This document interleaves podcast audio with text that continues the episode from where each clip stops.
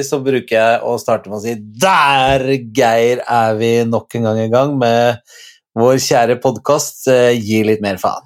The Postcast! Der kom det. Og den kommer jo litt uh, mer uregelmessig, uregelmessig jeg sagt, enn det den uh, gjorde helt i begynnelsen, men ja. det håper vi jo folk tilgir oss, da. Det er mye med jobb, du jobber jo både doble og triple skift og holder på. Jeg har litt å gjøre, og da blir det sånn, dessverre, da. Men det viktigste er at vi er her når vi er her. Ja, absolutt. Og det si er veldig gøy å være her. Det er det. Si det er postkass en gang til. The postkass. Oi, oi, oi, oi. Tror du folk, har du, du, har du skaffa deg sånne lydeffekter? Det er jo, vi tar jo opp på Sendcaster og skryter vi av de fordi det er jo faktisk eh, så eh, genialt å lage podkast når vi ikke kan være sammen på Sendcaster. Mm. Uh, og nå har de begynt å komme med sånne lydeffekter, og nå vet jeg ikke om de som hører på oss, hører den lydeffekten den tromma, eller om det bare er for oss som, som lager det. Men jeg tar en sjanse. Så nå ja, har jeg to lyder her, ja, så okay. får vi se ja, det blir til. Jeg, jeg, ser fram til det, i hvert fall foreløpig. Vi, vi, får se, da. Men eh, du, min kjære venn. Yep. Hvordan går det med deg? Jeg vet i hvert fall at du jobber skrekkelig mye. Veldig gøy. Ja, og nå vet jeg også at du jobber innenfor et uh, felt hvor uh, taushetsplikten er uttalt, for å si det mildt, men kan du ikke gi oss en sånn rask, uh, et raskt overblikk sånn hvor, hva, hva, du driver med for tida? Jeg jobber jo da fortsatt på en barnevernsinstitusjon. Ikke bare én heller, vel? Nei, jeg har veksla litt med forskjellige avdelinger på forskjellige lokasjoner på Østlandet, det tror jeg jeg har lov å si, kan jeg ikke? Mm. Jo, det skal jeg lov å si. Ja. ja. Og der jobber jeg med ungdommer mellom 14 og 18 år som, eh, som uh, trenger litt uh, Hva skal jeg si? Jeg trenger litt bistand. Mm -hmm. fantastiske ungdommer. Jeg syns det, det er så givende å få lov å jobbe med det. Hva er det og, som er givende med, ved å jobbe med det? Jeg føler Unnskyld. Jeg tenker at Jeg tenker at det er, eh, det er litt sånn vinn-vinn-situasjon. Jeg lærer mye av å være sammen med de ungdommene, mm -hmm. og jeg håper at det jeg bringer inn som en erfaren fyr på 50 år, 51, eh, firebarnsfar, eh, kan eh, lære dem noe. Mm. Eh, og det også eh, Det er jo ungdommer som har hatt det, eller har det, som oftest veldig um, ja, har, har det ikke noe godt, da og det at eh, jeg kan At de, at de lar meg få lov å være med og skape litt positive eh, øyeblikk i livet deres, det syns jeg er veldig givende. Ja, det er vel ikke bare positive øyeblikk heller, altså det er jo litt sånn ja, livsveiledning og det å, å, være sammen og finne ut av livet, på en måte. Mm. Det er vel ikke bare der for underholdning, er det vel? Nei, det er jeg ikke. Jeg lærer, veld, jeg lærer veldig mye. Lærer mm. til og med ting om meg selv, gitt. Mm. Hvem skulle tro det i en alder av 51? Ja, hvem skulle tro det når mennesker møtes, ja, at uh, vi lærer av hverandre. Men, men uh, jeg må jo også få lov til å, å, si at jeg kan jo nærmest kalle deg kollega også, siden uh, sist. For ja, du er, du er Nei, hør nå, du er ikke den utdannede slasken du selv reklamerer for at du er av og til. Fortell oss litt om det. Nei, du, du vet hva jeg sikter til. Har, du har fått, et diplom? Ja, fått et mhm. kursbevis. Ok. Så Nei, du, jeg kom over da faktisk en kollega av meg på det, den ene avdelingen jeg var på, som Jeg fortalte jo at de driver med det strabassgreiene og sånn som vi holder på med. Og at jeg flyr i, i skauen og fjellet og har med meg folk ut og syns det er veldig stas. Og kunne godt tenke meg å gjort det enda mer, og kanskje til noe man kan jobbe med. Jeg fortalte henne så sa å da jeg har hørt om noe du kan Da burde du ta et kurs i noe som heter villmarksterapeut. Eller eh, villmarksterapi. Um, så det er et uh, selskap i Norge som har drevet med dette her i uh, Skal vi se, det begynte i 2008, så det er jo da 13 år siden. Uh, de holdt på i 13 år. Um, og så, i disse koronatider, så tar man da masse kurs på nett, og så skal det da eh, på en måte eksamen på det er en nidagerstur i Femundsmarka i eh, mai eller juni. Å ja, ok, så, så du har ikke hatt eksamen ennå? Nei, det er den praktiske eksamen. Teorien har jeg bestått, mm. så det har jeg fått kursbevis på at jeg har gått gjennom alt det. Det er vel hva det var for noe, nærmere 50 timer eller noe sånt noe, med, med, videoer og instruksjoner og refleksjoner og opplæringer og alle mulige slags uh, lover og regler. Um, for det disse gutta her og jentene driver med, er uh, å ha med seg uh, vanskeligstilte ungdom og ungdom som sliter med rus, ut i villmarka i ni dager. Det gjør de hver måned. Og så vil de gjerne ha flere eh, terapeuter, som de kaller det, eller instruktører, eller turkamerat, kaller jeg det nærmest, da. Eh, så da heiv jeg meg rundt og blei med på det, betalte en liten sum, og, og så har jeg bestått, da, og fått da kursbeviset på den teoretiske biten. Da er det på plass med en gratulasjon. Da er det en eh, Da har vi en lyd og igjen så er vi usikre på om noen hørte den fanfaren, men det, her er ikke noe vi skal, du, hør nå her, det her er ikke noe vi skal begynne med, altså bare så det er uh, klinkende klart. ingen, uh, ingen bokselatter og sånt noe her i går. Det blir sånn her nærradio. Ja, ikke sant. Litt de her også. Nei, jeg skal ikke bruke for mye. Du får en singel i posten. Da, da, da, ja. Ja. Nei da, men, men, helt seriøst, eh, mm. gratulerer. Jeg tror at du, etter hva jeg hører, så egner du deg godt til det du gjør nå også. Eh, mm. Og det er jo ikke verst, det. Villmarksterapeut og komiker. Det kan mm. jo bli en god kombinasjon også, når man skal løfte blikket i, i alt regnet og, og, og, smaken av barnålet der ute i skogen. Ja, så da, senest i dag har jeg vært og trent, da ja. i skauen. Trent på litt sånn forskjellige typer ting med å, å hogge ned trær og bygge og skape bål og eh, leir, da. Mm. Du har en viss innsikt i det fra før, når sant skal sies?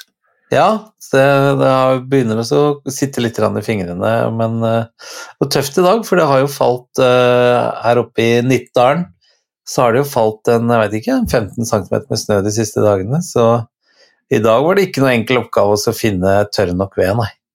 nei. Så i dag så lærte jeg meg selv en ny greie med, med bjørk som jeg hadde hogget ned. En, en, en svær, gammel død bjørk. Da. Jeg tar jo bare døde trær. Mm -hmm. Men jeg tok også brukte øksa til å liksom skrelle den, går det an å si det? Ja, bar barken? Ja, på en måte litt sånn barking, sånn som du ville gjort uh, i, i, gamle dager. Mm. Og, så, og, det var tørt og sprøtt nok til at jeg fikk, uh, fikk ordentlig fyr på bålet. Ja, og sånn never er jo helt fabelaktig å bruke. Ja, men det, var, det, er ikke så mye Det er jo, er jo ikke så mange bjørk eh, i skauen til å plukke never av. Mm. Uh, og den er jo, er jo litt sånn, vært litt sånn våt med all den neveren. da. Mm. Mm. Men innafor, vet du, laget innafor Når jeg begynte å skrelle den, så fant jeg masse fint. Og det er masse bra saft i det, du, så det blir nesten som å ha sånn tennbriketter. Du er sikker på at det ikke var en appelsin du satt med, for det her hørtes jo Sitter og skreller saftige ting. Mm, nei, det var nei. en bjørk. Det var en bjørk. Så du har skrelt en bjørk? Skrelt en bjørk i dag. Ja, det er ikke verst. Det er ikke verst. Og så har det vært påske, sånn apropos appelsiner. Mm. Det er jo såpass lenge siden vi har snakka sammen. Hvordan har påske Var det før påske? Ja, ja, var det ikke det, da? Jo, det var kanskje det. Jeg lurer på det. Ja, det stemmer sikkert det når du sier det. Det har vært, ja, jeg har hatt hjemmepåske. Ja. Du har vært på hyttetur? Jeg var på fjellet. Ja. Mm -hmm. Så Nei, var det ikke etter at du har vært på fjellet? Nei, jeg blander sammen når vi snakker med hverandre på telefon. Og når ja, så lenge siden. Så lenge siden ja. er det at vi har lagd en episode at vi ikke husker det engang. Ja. Men det får nå bare være det samme. Ja. Um, ja, ellers ting som har, um, har um, skjedd, som du ønsker å rapportere om? Uh, du, det som er veldig gøy, er jo at uh, den podkasten her sånn klatrer jo litt på sånn lyttelister og sånt, som jeg syns er veldig stas. Ikke bare litt. Nei, veldig mye. Mm. Uh, så det er stas. Men det som er mest stas, er jo at har jo jaggu begynt å ta seg opp med tilbakemeldinger og mailer. Ja, vi har jo fått jevnt av det, men, men, det er sant det. Det ser ut til å begynne å, å øke, ja. Og det, og det syns jeg er uh, veldig stas. Nå vet jeg ikke om jeg har lov til det, men jeg tror ikke han Jeg har lyst til å lese for deg, for jeg fikk i dag, senest i dag, så fikk jeg fra en uh, en gammel nabo, han er ikke så gammel, da, men han er nabo der vi har bodd før. Ok. Trenger ikke å si noe navn, da, vet du. Nei, det kan jeg ikke Nei, det behøver jeg ikke gjøre, for da er det i hvert fall innafor. Mm. Men han forteller i hvert fall, han sender meg en mail. Uh, Hei, Tom, vil bare nevne en hyggelig greie for deg. Min sønn, som går i andre klasse på videregående skole, uh, har om psykisk helse i gymmen. Der har klassen fått i oppgave å lytte til deres podkast og skrive om den. Er ikke det kult, så vet ikke jeg. Hm. Det må være fantastisk å være dere som lager noe som hjelper andre, og som folk setter sånn pris på. Fortsett. Fortsett, ja. Hilsen blipp, blipp, blipp. ja. Det er Så en eh, gammel turkamerat og nabo som, eh, som sendte meg den meldingen. Det var veldig hyggelig å få. Det var veldig hyggelig å få, og veldig artig å høre, syns jeg. Eh, at, at Ja, for vi har jo hatt en ambisjon, da. Ikke sant? Ja. At det skal være litt til både støtte og glede og underholdning og læring og alt det vi bare greier. Og hvis vi treffer noen med det, så er det jo ingenting som er bedre, og spesielt ungdommen, kanskje. Spesielt ungdommen. Mm. Jeg tenker på min kjære datter som, eh, som nå egentlig skulle vært midt i den verste forberedelsene til russefeiringa. Mm. De trenger litt oppmuntring. Ja, de, eh, de gjør det. Men heldigvis så er vi også eh, lagd for eh, Hva skal vi si eh, vanskelige tider, da. Så de kommer til å klare det og, og ikke ha en russefeiring, selv om jeg skjønner at det er aldeles pyton når man har kommet så langt, altså. Men vi håper at, eh, at det legger seg såpass at de i det minste kan holde en meters avstand og, og få noen rekk helt på slutten der. Det håper Min sønn er jo i samme situasjon. Mm. Sitter med en gigabuss og nowhere to go, som de sier på nynorsk. Så ja. Og min eldste sønn, altså min førstefødte, han har faktisk bursdag i dag. I dag? Han, I dag. Da gratulerer vi han. Da må vi gratulere min elskede Sondre masse med dagen. Mhm. Det har jeg gjort, Han har fått gratulasjoner, vi hadde fint selskap i går. og Jeg bor i Nittdal kommune, så vi hadde plutselig lov til å få besøk av fem stykker. Å, du verden for et selskap. Ja, det var ordentlig trivelig. Så kunne han ta med seg nye kjæresten sin, og eh, ja, alle sønnene mine med kjærestene sine var her. Mm. Han ene bor jo her, så det var jo greit. Men uh, Sondre, uh, og hør da, fylte 28 år. Å, du verdens land og rike. Det er to år igjen til han er 30. Mm. Den kjente jeg litt på i dag, altså. Ja, da kan jeg jo sende en liten hilsen til min far, som jeg vet ikke hører på denne podkasten, men, eh, men eh, han var noe blek om nebbet da hans sønn fylte eh, 50. Han var det. Ja, det Jeg syns han var ja, det syns han var stusslig. Så, men det er som de sier, da. Det er på sine barn at man merker at man blir eldre, så, så det er noe der antagelig. Så heldig vi er som blir det. Ja, du verden. Det er mange jeg nok tenker ikke på noe negativt, jeg, altså. Nei, nei, nei. Jeg får ikke noe sånn panikk. og tenker Nei. Jesus, så heldig jeg er. Mm, Her får jeg oppleve å se et av barna mine nærme seg 30. mm. Det er ikke, det er ikke gitt. Det er ikke gitt, og det er ikke alle forunt, og vi har jo begge folk i våre liv som aldri ble så gamle som vi er nå, Ja. Eh, så det er all grunn til å være takknemlig for det, tenker jeg. Vi feirer også- hver dag. Ja, det er kanskje å strekke det langt, men, eh, men vi feirer hver fredag i hvert fall. Ja, jeg har for øvrig også en, eh, en eh, Min datter fyller eh, 21 om, om to dager, da. Det vil da si 16. eh, april. Tenk deg, hun blir 21 allerede. 21 år, vet du. Så en liten gratulasjon til, eh, til min lille datter, da. Tenk deg, hun var ikke 17 engang da jeg møtte deg. Mm. Jeg tenkte det. Hæ? Ja. Nei, tida flyr. Tida flyr, ass. Tida flyr. Men nå, yes, vi, skal, vi skal sette i gang, for vi har jo et tema for dagen, selvfølgelig. Um, Ja. og, men men i, går, nei, i går, hører du, forrige gang vi var på, så måtte vi gå litt sånn direkte på, for da hadde vi jo denne fantastiske gjesten vår, Ole Jakob Madsen, eh, han psykologiprofessoren. Mm. Um, og han kommer jo forhåpentlig, han har sagt ja til det i hvert fall, han kommer snart tilbake for å snakke om ungdom og, og livsmestring i skolen og alle disse greiene der som han har ordentlig greie på og skrevet bøker om og sånn, og som vi også har vært opptatt av, så vi gleder oss innmari til det. Men da, da fikk vi jo ikke babla så mye som vi Har gjort nå. har gjort nå liker å gjøre, da. Ja. Nei, han må Men- jo komme tilbake fordi at eh, han fikk jo lov å få en tenkepause. Han fikk Ja. lov til å få en tenkepause. Ja, husker du ikke da mikrofonen din røyk jo akkurat når det var igjen noen minutter. Uh, og han skulle jo svare på hva han vet i dag, som han skulle ønske at han visste når han var 20 år. Mm. Mm. Uh, og det klarte han ikke å svare på stående fot, eh, han heller. Uh, Mm. Så da sa jeg ja, men da må du komme tilbake. Ja, ja, ja, ja. ja og han var, han var lutter øre og, og lutter velvilje, så det var jo, det var jo kjempeålreit. Og det er jo noe av temaet vi skal snakke litt om i dag, faktisk. Jeg vil bare nevne en aller siste ting. Mm. Nei, jeg vil nevne to ting til. Jeg skal nevne To det raskt. Okay. Ok. Nei, vi har ikke noe dårlig tid. Nei, vi har ikke det for så vidt, men, men det er jo greit å komme i gang. Og jeg mistenker jo for så vidt også at eh, det blir å snakke en liten eh, stund. Det blir å snakke en liten stund, nå ble jeg litt sånn nordlending her, men ok, greit. Ja, apropos nordlending, har du sett uh, Norges tøffeste? Ja, ja, ja. Isak? My man, altså. Ja, litt av Det var en stoiker. Moderne stoiker. det- Moderne det det jeg skulle til å si. ja, Han, det var det. Han fremførte stoisisme med, på en moderne måte i Norges tøffeste. Ja, det er det jeg sier. Nordlendingene er Norges uh, stoikere. Ja, men det er jeg enig i. For å generalisere, det er vel noen pyserblader oppi der antagelig, men uh, Isak var ikke en av dem. Nei. Det er nok ikke mange. Det er nok ikke Han var the man, altså. Jeg Ja, synes det var veldig stas at han vant. Det ville være rart så overlegen som han har vært gjennom hele sesongen. Mm. Og litt kult at han var den eneste som ikke var sånn PT eller Ja, ja, kampsportutøver eller noe sånt. Han var er jo fisker. Ja. Hun ga jo et lite sleivspark eh, i finalen der, hun Funky-Gine, da. Ja. For, eh, ja. Men, Ja, men uansett ja, Pisser på alle som har gått i tights i treningsstudio. ja. ja, han så ut til å være ganske fornøyd med det. Og faktisk, eh, altså den, denne unge herren der, han har jo inspirert meg også i mitt eh, eh, treningsvirke i det siste. Ja, du må fortelle om det når du løper, og hva du lærte av han. Ja, én ting er jo løper, men i går også var jeg jo da nede i en eh, Vi får ikke lov til å trene inne i, i, i Tønsberg som i andre deler av landet, stort sett i hvert fall.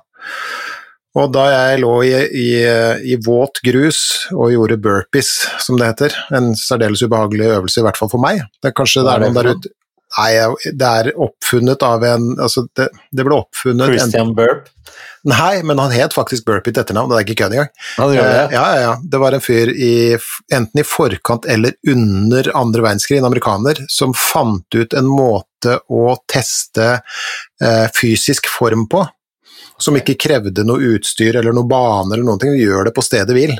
Okay. Men da, da står du oppreist, og så, så hiver du deg ned på magen, Ja. og så liksom smetter du beina oppunder deg, og så reiser deg opp i et hopp, da, og så ned igjen, så mange ganger du kan innen så og så lang tid, videre, bla, bla, bla. Og det er jo Ja. en sånn velkjent øvelse for, og hata øvelse for mange, da, inkludert meg selv.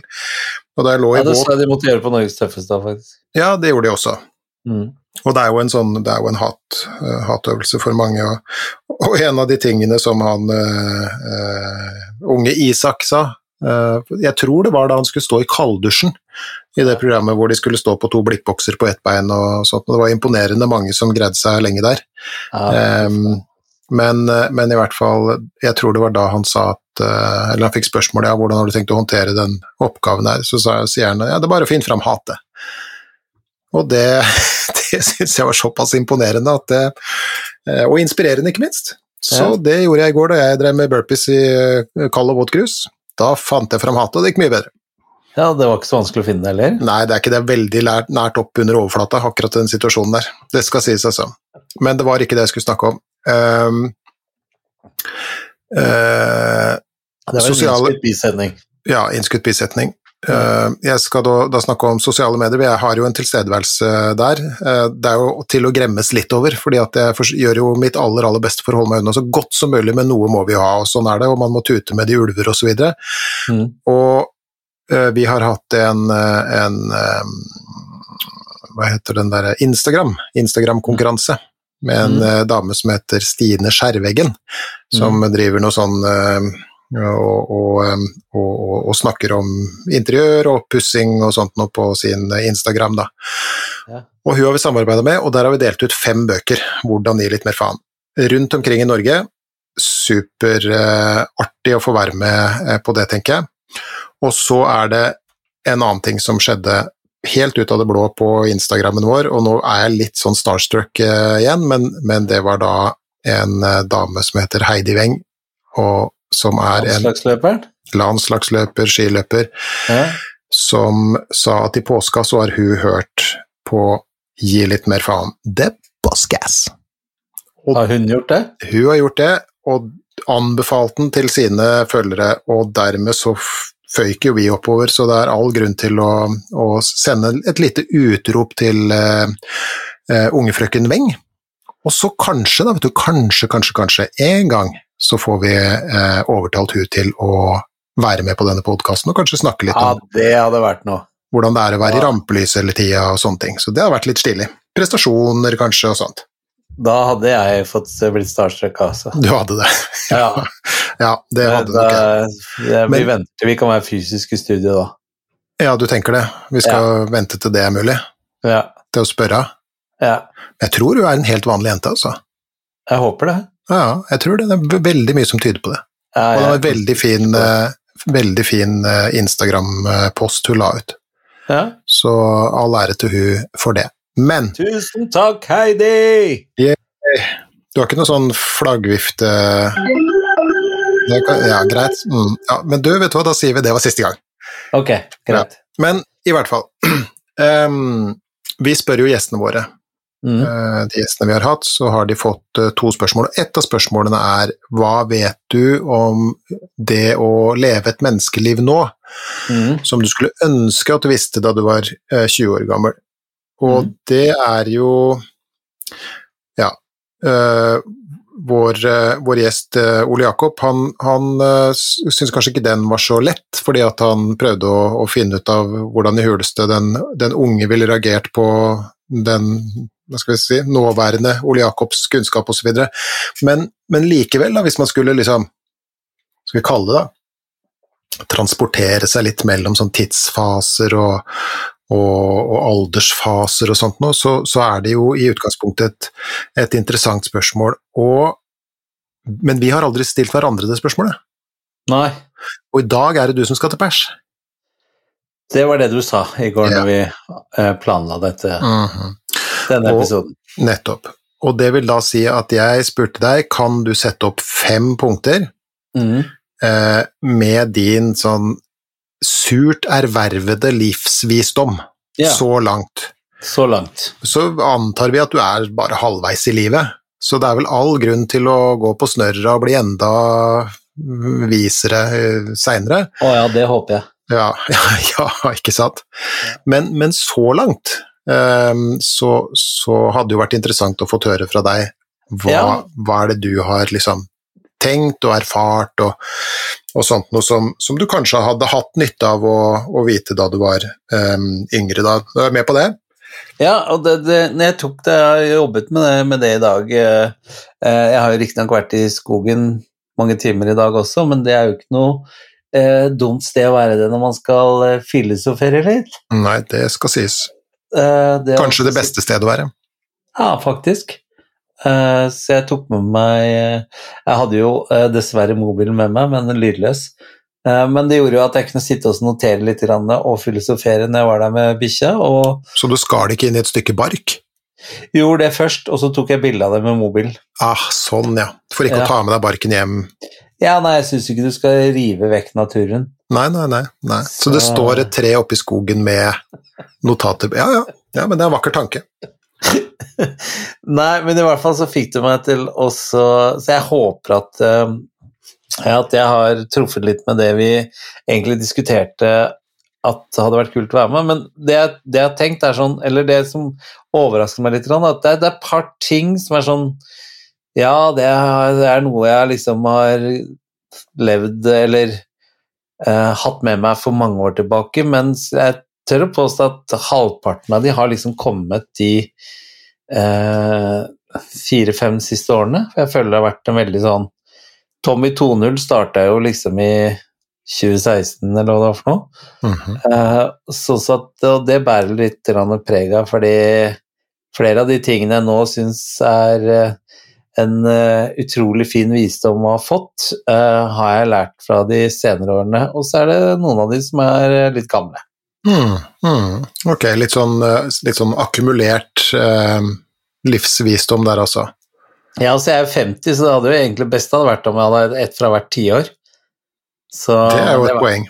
Men det, det første tiåret er Nei, det første tiåret er jo kanskje litt sånn Husk å ikke spise på alt lørdagsgodteriet på en gang. Altså, det blir kanskje nei. litt sånn Nei, ikke helt egna. Jeg tror faktisk den første er fra før jeg er ti. Sier du det? Ja, nå er jeg spent. Ja. ja. ja. Så bare si ifra når du vil at jeg skal begynne, så begynner jeg. Ikke være ute etter det klokkeslettet som mamma sa at du skulle nei, komme inn på, er ikke noe sånt? Nei. nei. Okay. Ikke det. det si, at, si, at klok si, at, klokka di har stoppa Nei, nå er jeg spent. Ja, nå må du bare sette i gang. Ja.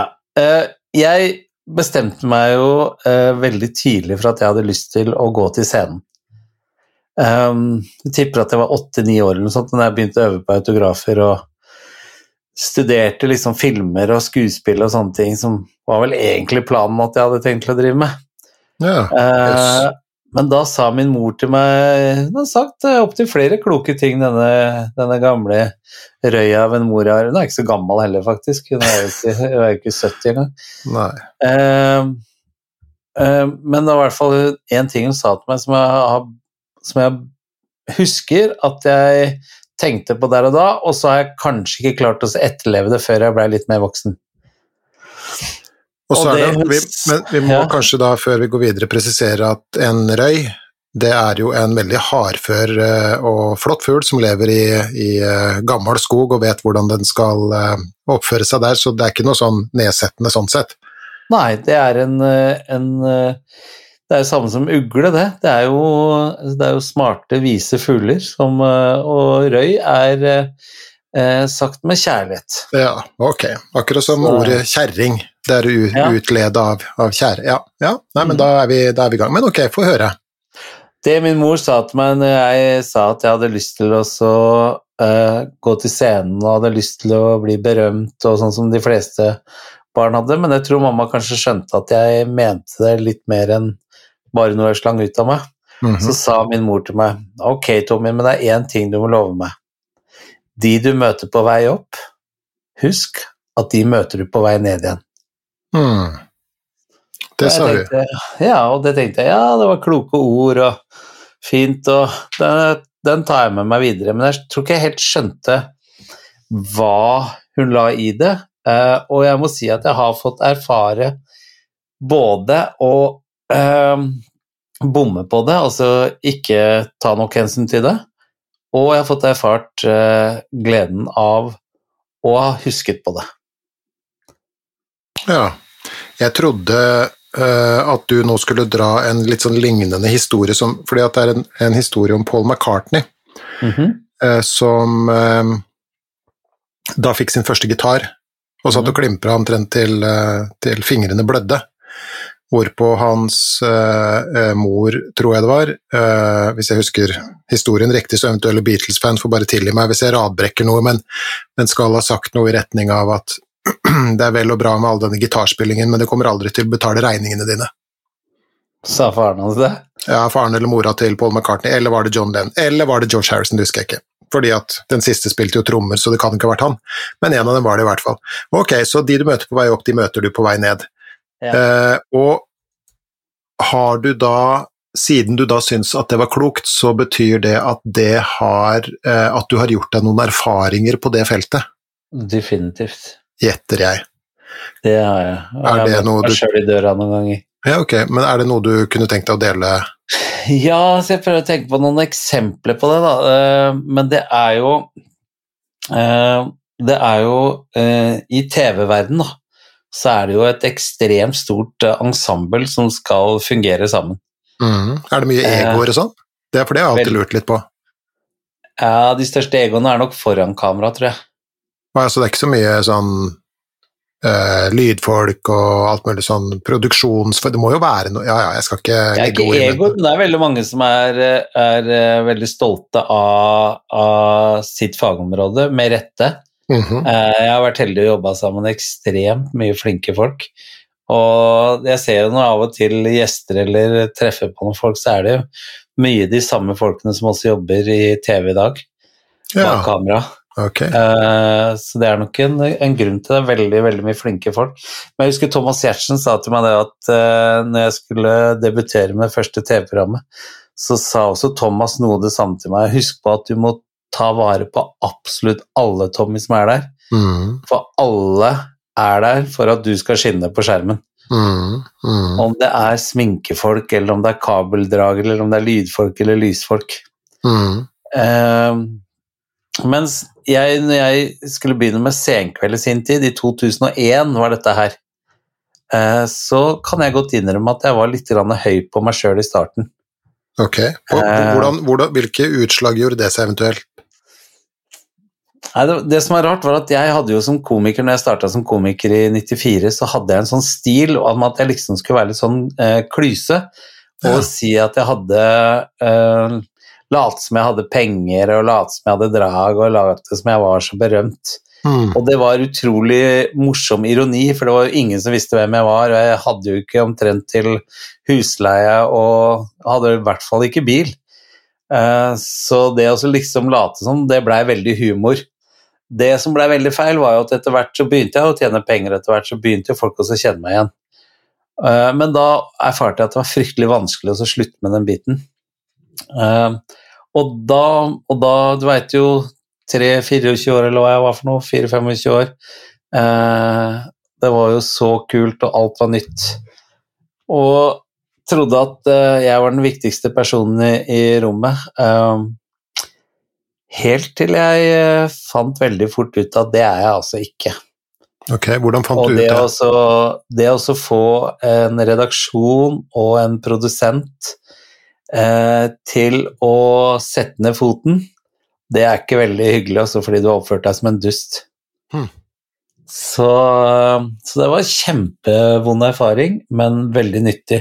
Var det en spesifikk eh, situasjon du tenker på da, eller? Nei, det var helt sikkert Jeg mener å huske at det var Når jeg lagde Senkveld, så var det et eller annet med at eh, jeg skulle liksom bestemme hva som skulle være humor på de tingene jeg sjøl skulle levere, og var ikke flink nok til å lytte de første Det her gikk heldigvis fort over, da, men la oss si den første måneden, da, kanskje.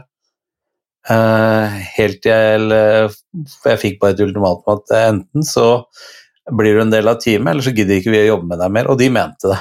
Hm. Da, da, hadde, da tror jeg du hadde oppført deg ganske Nei, det var jo litt mer sånn derre Ja, jeg var kanskje, jeg var kanskje litt sånn klyse. Mm. Åssen skal jeg si det? Jeg, jeg er helt sikker på at jeg hadde fasiten på alt. Mm. Uh, og så uh, Som man for så vidt ikke trenger å være en, en, komiker på vei oppover stigen for å være, hadde jeg nær sagt. Altså, det er jo også noe av, dessverre, eh, kjennetegnet ved å være, være ung for mange av oss, da. At vi kan være litt sånn breiale og tenke at vi har full kontroll på absolutt alt, og så viser det seg jo at, at Eller de fleste av oss erfarer jo det at dess eldre vi blir, dess mindre skjønner vi av noe, egentlig. Det er mulig jeg, mulig jeg, snakker om meg selv nå, men, men, men helt seriøst. Nei, jeg tror det, det gjelder de fleste av oss. Ja, jeg, jeg, håper det. Jeg håper det. For det gir jo rom for læring, men hvis du kan absolutt alt, da, ja. da, da har du da skal, det, det, er akkurat som de som sier sånn ja, men du er bra nok som du er, og sånn. Jeg syns det er veldig dårlig, dårlig, råd, på en måte, til særlig unge folk, da. Ja. Hvis du er god nok som du er, så hva skal du utvikle deg for da? Hva skal du erfare, hva skal du lære for? Hvordan skal du kunne, liksom, kunne bli et, et uh, litt bedre menneske som gjør verden til et litt bedre sted, hvis du er bra nok som du er, ikke sant? Det er, ja, det er litt samme greia. Ok, ja, men, men fortsett.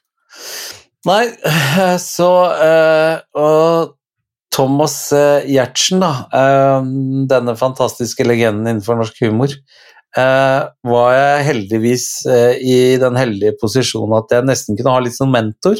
Så jeg kunne ringe til Thomas og spørre han hadde jo allerede gjort Mandagsklubben og hadde braksuksess. Man hadde også opplevd å gå på trynet eh, ved flere anledninger, han også, som vi alle gjør. Mm -hmm. eh, men fordi jeg så hvordan Thomas alltid tok seg tid til alle som jobba i studio, alle andre komikere. Du kan ringe han når som helst og spørre, han ga deg råd, han skal aldri ha fem flate øre for det. Eh, han har alltid vært oppriktig opp opp, opptatt av eh, at komikere skal utvikle seg, og miljøet skal utvikle seg, og tatt mye av styringen på det området, der, sånn, så hadde jeg heldigvis en læremester som fort eh, viste meg verdien av eh, at du tar vare på de folka rundt deg når det går bra, så vil de folka ta vare på deg når det ikke går så bra. Mm. Ja, er, det, er det erfaringa di? Ja. Mm. Uten tvil. Mm. Så jeg tror, og det er gøy for meg å se når jeg kommer tilbake med gjesteopptredener på TV og sånne ting nå, og treffer igjen disse gamle folkene, så er det å kaste seg rundt halsen og Det er akkurat som Selv om det nå er Hvor lenge er det? Ti år siden eller sånt, da jeg slutta på TV? Mm. Eller Nei, 2013? Ja, sju-åtte år siden. Mm. Mm. Um, så det har jeg virkelig fått se verdien i at uh, når jeg tok meg sammen og oppførte meg som en normal person, uh, så fikk jeg også et, et, kjempenettverk rundt meg, som har vært veldig deilig å ha når det butter, da. Mm. Og det er ikke bare på jobb, jeg, jeg snakker også om eh, snakker også om Jeg hadde en, en produsent som fremdeles tror jeg er TV-produsent, en av legendene i Norge, som heter Trond Kvernstrøm. Han var helt ekstremt opptatt av dette her. Uh, uansett hvem han møtte, så tok han de like seriøst, like blid. Uh, og du veit aldri når, uh, når, de blir store stjerner. Og det mhm. husker jeg han Jan Fredrik Karlsen fortalte meg en gang også om hvordan Trond Kvernstrøm hadde lært han. Han tenker at Kurt Nilsen kom og folk hadde ikke trua på han i hele tatt som artist. Og, men Jan Fredrik behandla han fra første dag som om at han var verdens største stjerne. Uh -huh. eh, og når da Kurt Nilsen blei en kjempestor stjerne, så eh, vil han ha med seg Jan Fredrik videre. Mm -hmm. så, så, det er faktisk eh, en livsvisdom som jeg eh, ble fortalt av min mor da jeg var åtte-ni år gammel, som den dag i dag jeg har med meg videre. Ja, Så bra. Men, men, det du refererte til nå, er, var det vendepunktet for deg, eller, eller, trengte du lengre tid for å liksom virkelig ta inn over deg det her? Helt sikkert Da kan jeg ikke fastslå at den fredagen Men jeg husker et sånt der oppgjør på, på produksjonskontoret hvor jeg fikk litt sånn Nesten litt sånn kniven på strupa av produsenten min, Trond Kvernstrøm. Mm. Uh, og jeg håper og tror, og har vel egentlig fått beskjed om det, at, eh, at han sakte, men sikkert så en endring på meg etter det. Mm. Det tenker jeg jo også da sier noe om din, altså hvem du egentlig var. Eh, fordi at det er jo ikke alle som tar korrigering heller. Og det sier jo da noe om at du var en, en, eh, en sosialt anlagt fyr i ordets rette forstand, da. Mm. At du forsto at eh, hei, vent nå litt, nå har jeg forbrutt meg mot noen uh, mer eller mindre uskrevne sosiale regler, mm. og at uh, jeg bør endre meg gjennom altså i og med at jeg har fått denne korreksen. Men det var vondt, altså. Det ja, vondt. det skjønner jeg. Det skjønner jeg. Det var, var veldig, veldig vondt, men uh, Men Nei, jeg er jo glad for det, da. Mm. Det er eh, Og jeg tror nok at det skyldtes eh, Og jeg tror nok at mange som er det, og jeg ser det jo nå når jeg jobber med ungdommer og sånne ting i dag, det her med tøff i trynet og tror at du veit best i verden, det er jo også på en måte et slags skall, da. Mm. Ikke sant? Det er jo Jeg var jo en usikker, fersk, liten, redd gutt som ikke visste egentlig hva dette her gikk ut på i hele tatt. Mm. Eh, og men ville ikke vise det utad at jeg eh, ikke At jeg ikke hadde peiling, da. Mm. Og du har jo fortalt tidligere noe av det som eh, Hva skal vi si var, var, drivkraften på mange måter, og kanskje ikke nødvendigvis en, en sånn veldig bra drivkraft, men, men like fullt en drivkraft, tenker jeg. Ja. Dette med at du, at du ville hevde deg, og kanskje til og med hevne eh, deg. Ja og at det kanskje var litt, uh, litt, hult og usikkert der inne. Og da er det kanskje ikke så rart, tenker jeg da, at, uh, man liksom kan overkompensere litt og, og, bli litt ekstra breial, og så skjærer det seg, og så går man rojalt på trynet. Men at du da hadde evnen til å, å hente deg inn igjen, sier jo ganske mye om deg, tenker jeg. Jeg håper i hvert fall at det ikke er jeg som er helt uh, ikke skjønner noen ting, så, mm. så andre sitter Hæ? Ja, han har ikke forandra seg, han er akkurat lik i dag. ja. Nei, jeg tror ikke, i hvert fall ikke de som er nærmest deg, tror jeg jammen meg. Det skal godt gjøres. Eh, det, det, du snakker om, tenker jeg, da, er jo ja, vi pleier jo ofte å snakke om både litteratur og, og, det, og, og kultur, hadde jeg nær sagt, i, i, også i psykologisk eh, sammenheng, på en måte. Og, det, det, uttrykket som liksom detter ned i hodet mitt da, når du forteller det du gjør, mm. er jo det uttrykket som heter 'hovmod står for fall'. Ja. Eh, og at eh, du Det hørtes ut som at du lærte ydmykhet mm. Eh, av dine kolleger i denne produksjonen, og antagelig av andre også. Mm. Og, og, jeg tenker jo at livet i seg selv lærer oss ydmykhet, for det er, det er så mye liv og så lite oss. Mm. Så det er liksom, vi, vi, taper jo uansett, og til slutt så taper vi jo totalt, eh, selvfølgelig, når den tida kommer. Men, men, eh, men jeg tror du skal være en spesiell type hvis ikke du blir ydmyk i møte med livet og med andre. Ja. Og hør på det her, jeg vet ikke riktig hva du tenker om det, men, men det her er liksom min erfaring. Det kan jeg svare på når jeg har hørt det. Ja, riktig. Ok, så ja, men jeg bare du, ja, jeg, eh, jeg, prøver å sikre meg i forkant, da. um, og, og det, er, det, er, dette med at dess eldre jeg blir Nå er jo ikke jeg den mest empatiske typen når sant skal sies, Eh, men dess eldre jeg blir, dess mer empatisk blir jeg på den måten at jeg forstår mer og mer og mer at den menneskelige erfaringen er lik, da. Mm.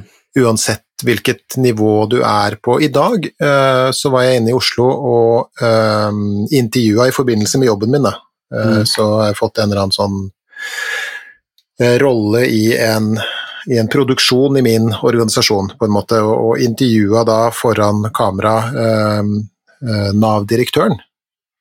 Og da var jeg litt sånn engstelig, kjente jeg litt sånn nervøs og litt sånn tørr i kjeften og sånn før jeg skulle inn i det møtet der, men så, så kom så jeg på ja, ja, på mange måter. Det er jo som mm. du sier, da var det viktig for deg, og det, det var jo det, ikke sant. Mm. Fordi at jeg ville jo også at han skulle ha en god opplevelse av å, av å møte uh, den sida av sin organisasjon. Men det er ikke det som er poenget. Poenget er at uh, det jeg kom på, var jo det at ja, men han er jo, han er jo bare en mann, han også. Mm. Og det viste seg å være tilfellet. Og ikke bare var han en mann, men han var en veldig trivelig fyr. Eh, med, med, både hode og hjerte på, på rett plass. Men, men eh, dette med ydmykhet, da, og, og, at livet lærer oss ydmykhet, på en måte, det ser vi jo i Husker du den derre eh, filmen 'Nå avslører jeg min alder', og jeg tror at du kommer til å avsløre, avsløre din alder også. 'Rollebytte'. Ja. Husker du den? Ja, ja. Eddie Murphy, Dan Ackroyd, tror jeg det var. Ja. Ja, og, og, en ung eh, å, Hva het hun som spilte i en fisk ved navn Wanda? Hun het uh... Åh, hun var så herlig. Curtis? Jamie Curtis, ja. Ja, ja riktig. Mm, ok, men i hvert fall i den filmen der så, så er um, er jo Dan Aykroyd en ganske sånn oppblåst eh, og pompøs rikmann i en sånn rikmannsklubb. Og så er det noen som eh, tuller såpass mye med livet hans da, at han bytter plass med en uteligger, eh, spilt av Eddie Murphy. Ja. Så uteliggeren blir da sendt inn i, i rikmannsmiljøet, og, og Dan Ackroyd, stakkar, må klare seg på gata. Og det der er jo en av utallige eh, både filmer og historier osv. som lærer oss det der, da om at mennesker er eh, tross alt ganske like, den menneskelige erfaringen er i hvert fall eh, lik, og hovmod står for fall. Alltid. Alltid. Og en av de tingene, eller en av de sånne sitatene også jeg fikk i hodet da du fortalte det du gjorde, var Og det sies at dette er et sitat av Tom Hardy, vet du, denne uh, kule engelske skuespilleren. Nå skal man jo ikke tro alt man leser på internett. Det, Nei, det... Har, vært, det har i hvert fall Platon sagt en gang. Men, men uh, Tom Hardy skal visstnok ha sagt at uh, jeg ble oppdratt til å behandle vaskehjelpen og direktøren likt. Og det tenker jeg også er en sånn avart av det du sier. Mm. Vær hyggelig mot folk, de er dine medmennesker, du vet aldri hvem du trenger hjelp av. Det er Askeladden og de sju hjelperne òg, det. Ja, ikke sant? Her har vi Per og Pål som møter han der gamle Callen og, og, som spør om å få litt mat og sånn, og de sier at de har skit i, i veska si, ikke sant. Og, og, de får jo ikke noe hjelp, og så kommer Askeladden og sier at ja, jeg har en gammel havrelefse og en sur melketår eller noe sånt noe. Og da får han en hjelp han trenger, og ikke bare det, men han bes jo om å ta folk om bord i båten. Ikke sant? Ikke sant? Eh, og det er en som spiser stein, og det er en som har sommer og vinter inni seg, og det er en som Og han, har, han får bruk for alle sammen. Nei, jeg tror ikke det er eventyr. Jeg tror de eh, Asbjørnsen Moe prøvde å fortelle oss noe med disse folkefortellingene. De folkefortellingene som de har samla inn, eh, og som andre også har, har samla inn, er selvfølgelig lagd på de, er, de har kommet til på bakgrunn av nettopp felles menneskelige erfaringer. Da. Det er destillerte menneskelige erfaringer, ikke sant.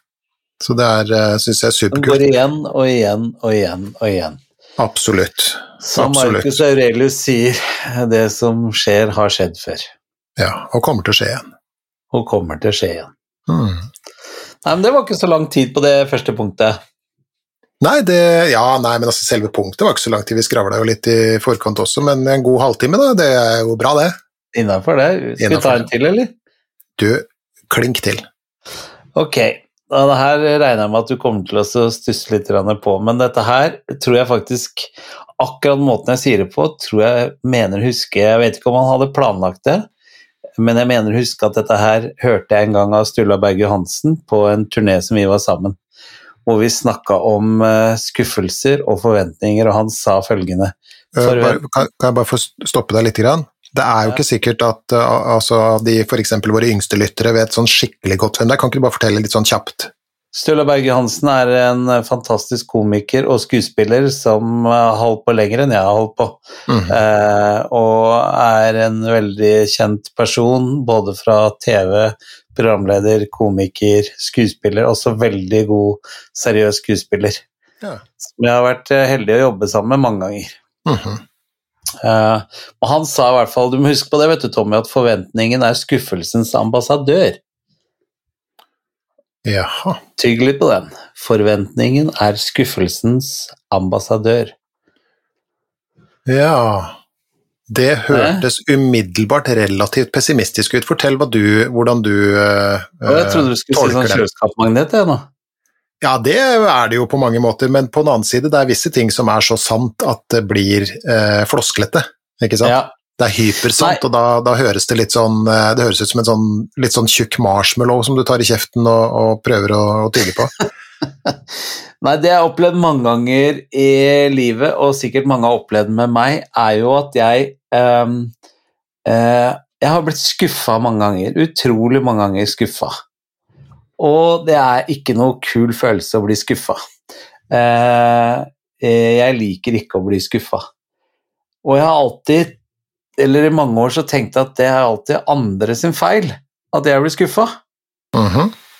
Ikke sant? Men eh, etter hvert så lærte jeg meg når jeg fikk eh, bart og litt hår på kroppen, at, det er noen noen bilder jeg ikke har lyst til Hvis du kan uh, bruke andre metaforer, så tenker jeg at hvis, ja, hvis det går altså, an, da. jeg ble eldre, da. Ja, det var, ja, den satt bedre. Den satt Hår på kassa, litt skjegg og sånn. sånn jeg. Jeg vet ikke ja. hva du tenkte på, men det, det får bli usagt. Ja. men det var at jeg i større grad kunne styre en del Altså, det her er ikke alt eller ingenting eller svart eller hvitt eller noe. Mm -hmm. Men hvis eh, jeg stadig ble skuffet over ja, typen venn, da, for å bare ta et mm. eksempel, som eh, jeg stilte opp og hjalp til og lånte penger, men når det skulle gå andre veien, så var det eh, skuffelse på skuffelse på skuffelse. Mm. Og da kan du si at grunnen til at skuffelsen kom, var at jeg forventet at han skulle gjøre og tenke det samme som det jeg gjorde og tenkte. Eh, og det er ikke sikkert. Han har sin historie, han har sin bakgrunn, han har sin oppfatning av ting. Eh, men det var forventningene mine til denne kameraten eller vennen eller familiemedlem eller hva du ville, som gjorde at jeg blei skuffet. Så jeg tror det var noe sånt som det her vi drev og diskuterte, Stulla og jeg. Og så sa han da at det er i forventningen skuffelsen ligger. Mm. Og det har jeg tatt med meg, altså. Jeg har tatt med deg på hvilken måte? For det, altså, for, ja, så, så, så, hør på det her, da. Altså, ja. Måten jeg tenker på det når, uh, når, du sier det på den måten, er jo at Ja, i, i, verste fall altså, kan du tolke det på den måten at uh, ikke ha forventninger til noen eller noe.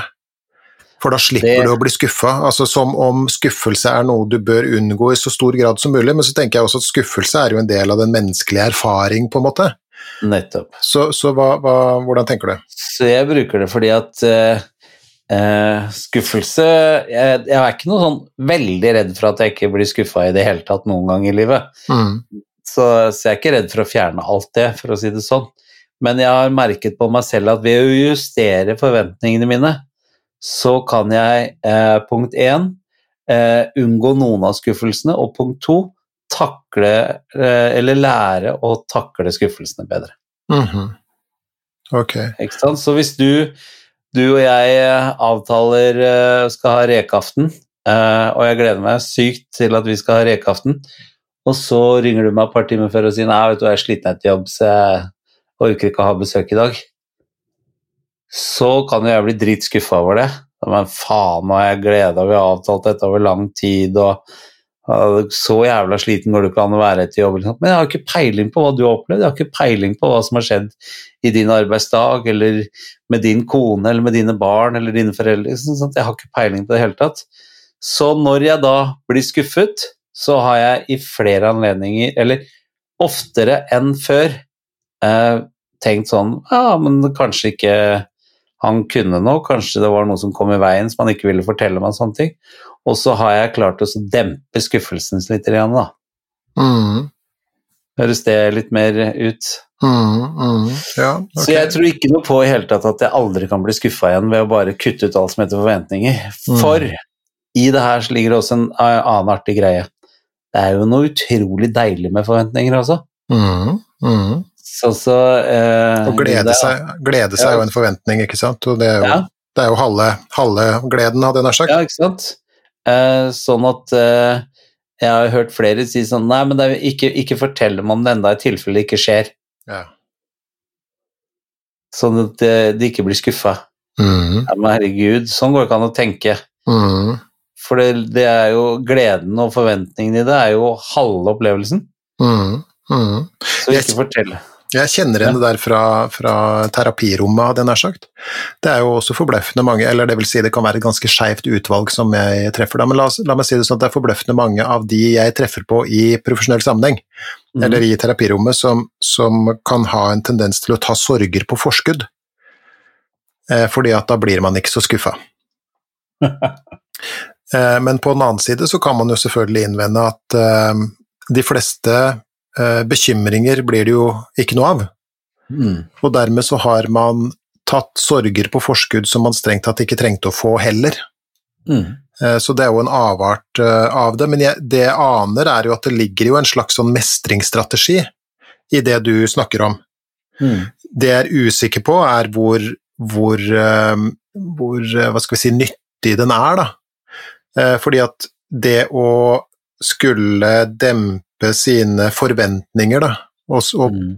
i ytterste konsekvens sine gleder, vil jo også kunne frata deg en del eh, gode ting eh, på veien, for det er, jo, det er jo ikke alt som ender i skuffelse eh, heller, på en måte.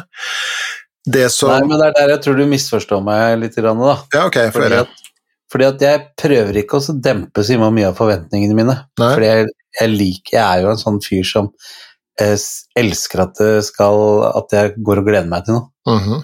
eh, men når de tingene ikke inntreffer, da, eller det er et eller annet som, som gjør at jeg blir eh, veldig skuffa over at det ikke skjer, mm. i etterkant, forstår du, mm. så uh, klarer jeg i større grad å dempe den skuffelsen mm. over at det ikke inntreffer, ja, med det... å huske på dette her. Ja, ok, ja, riktig, ok, greit, ja, da skjønner jeg. Uh, fordi at det var Nei, jeg vil ikke være uten forventninger, jeg må ha forventninger. Ja, vi må det. Vi må det. Ja. Og jeg må tåle skuffelser. Mm. Akkurat som alt annet med livet som jeg må tåle som alle andre. Akkurat mm. på lik linje med meg må tåle. Mm.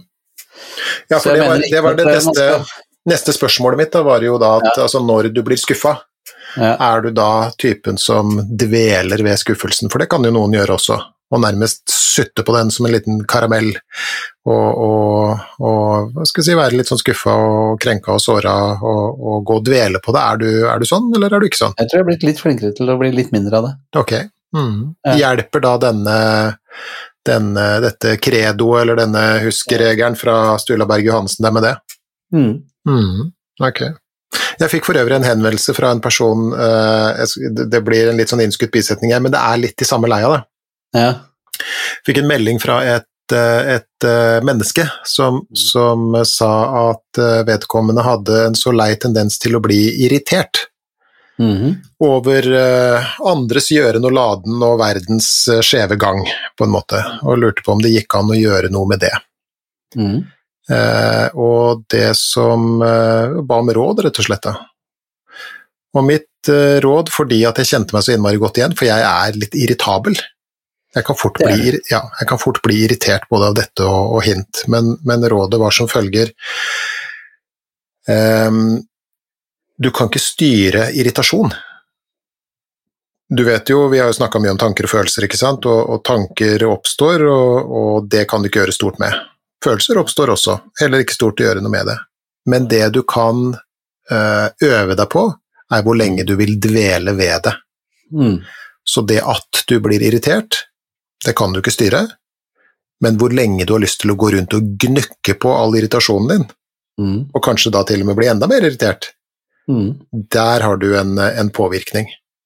Og da, da, da, hvis jeg har forstått deg rett, da, ja. så, så, hører jeg at det er det du sier, at, eh, at uh, greit nok, skuffelser uh, er en del av den menneskelige erfaring, på en måte, uh, fordi at andre mennesker ikke er like oss, og takk og mm. pris for det, men du øver stadig på å dvele ved det så, så lite som mulig, da. Og da hjelper det meg med det her med å tenke at ok, mye av den skuffelsen her skyldes den forventningen jeg selv har bygd opp til det som skal skje. Mm, mm, ok, ok. Ja, det var, det var uh, altså, Men forventer du For jeg hører et sånt ekko her, da, jeg vet ikke om det er riktig, men du må bare korrigere meg nå. Men, det er kanskje lyden, har jeg mikrofonen for langt unna? Hæ? Ekko, sa du?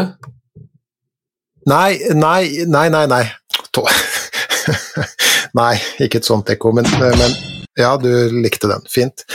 Eh, um, der rabla jeg av, så det er supert. Nei, du hører et ekko når jeg snakker om dette med Ja, ja, ja, ja, ja greit. Ok, så, så her, her, eh, skal vi se. Ikke, ikke noe flere trommevirvler. Men det høres ut på meg som at du Eller det høres ut som at du skal vi si, hadde noen sånne tanker om at du kanskje, de gangene du stilte opp for andre, da, mm. men ikke fikk det samme tilbake, da kunne liksom skuffelsen bli ganske stor. Mm. Hva Å, nå er jeg så redd for det, for det her kan høres så ledende ut, så nå må du være litt sånn uh, Litt okay, på, skal... på, vakt. Ja. Men, ja. men har du en forventning om at folk liksom er litt sånn lik deg sjøl? Det tror jeg vi alle har. Jeg tror, jeg, tror jeg, veldig, jeg tror, det er veldig menneskelig. Jeg hørte, jeg hørte en gang et eh, foredrag med en, eh, en psykiater hvis navn eh, unnslipper meg nå. Hun har skrevet en del kronikker og sånt, men jeg kommer ikke på hva hun heter, og, og, og det, er, det, er, en av mine handikap her i livet.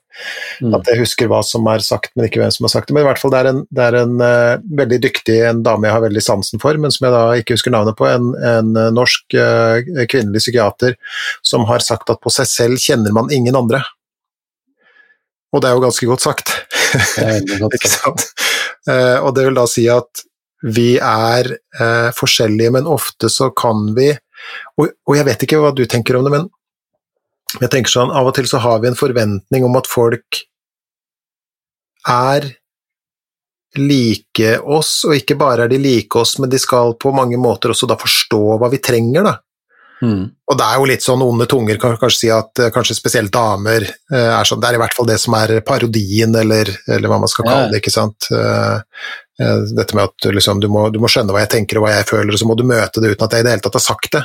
ikke sant? Det er jo kanskje noe som noen kan slite med i et parforhold, men Og dette var et veldig langt langt spørsmål, men har du da forventninger om at andre liksom er lik deg og skal forstå hva du trenger, og så, eller er du ikke det? Ja, så klart. Ja. Er ikke alle det? Jo, på en måte er vi jo det. Ja. Ikke sant? Vi har jo lyst til å liksom bli møtt og sett og forstått Ja. til enhver sammenheng, men så er det liksom ikke sånn, det. Samme er det jo når du er forelska og du håper jo at den andre skal tenke sånn som deg om den forelskelsen, og jeg tror du møter masse i livet av det er eh, forventningen om at folk tenker og gjør sånn som jeg gjør. Ja, ja, ja. ja. Eh, og sikkert mange der ute som har vært ekstremt ofte skuffa over meg, som på samme måte ikke er lik de. Mm. Mm. Så Men da, jeg har i hvert fall det litt sånn i bakhuet, så klarer jeg noen ganger tror opp, Jeg tror vi snakker opp i 2-3 Såpass, ja. Ja. ja, ja. på gode dager. Mm. Med sola i ryggen og kjøttkaker til middag, så klarer jeg å, å bli litt mindre skuffa. For det er en eller annen som sa, jeg vet ikke om det er en floskel eller hva for noe, men det er i hvert fall en eller annen som sa at du kan ikke forandre en annen person, du kan bare forandre hvordan du selv responderer på den personen. Mhm. Det er litt, det er litt den leia der jeg mener, da. Mhm. Mhm. Så ved å justere det litt av og til, så, eh, så dveler jeg altså ikke ved det så lenge som jeg kanskje hadde en tendens til å gjøre før. Mhm. Men er du, er du er, Kan du liksom bli så skuffa at du blir litt sånn hevngjerrig? At du liksom ja, Skal jeg fanken meg ikke være sammen med den personen, glem det, jeg skal ikke Kan du bli litt sånn, eller? Ja, ja, så klart. Ja. Jeg er jo en vanlig person. Mm. Mm. Så Men ofte får jeg meg aha-opplevelse der sånn, fordi jeg tenker jo at de har tenkt eller eh, ment eller sånn, og så tar jeg imot dem og spør, og så er det bare Nei, nei, nei, nei, det var ikke det, det var bare Jeg hadde ikke bil den dagen, så Men jeg tenkte ikke at jeg måtte Nei, nei, jeg har ikke tenkt. Mm. da ble det litt sånn Ja, nei, men det, det Den kjøper jeg. Ja, Den skjønner det, altså. Veldig, skjønner det veldig godt. Ja, ja. Og så må jeg, må jeg gå og banke hodet mitt litt i veggen, da. Mm. Hvor tar jeg sammen, da. Mm. Og der er vi kanskje inne på herlighet. Det må jo være det, kanskje det aller, aller mest sentrale av nettopp det vi snakker om som den, den menneskelige erfaring, da.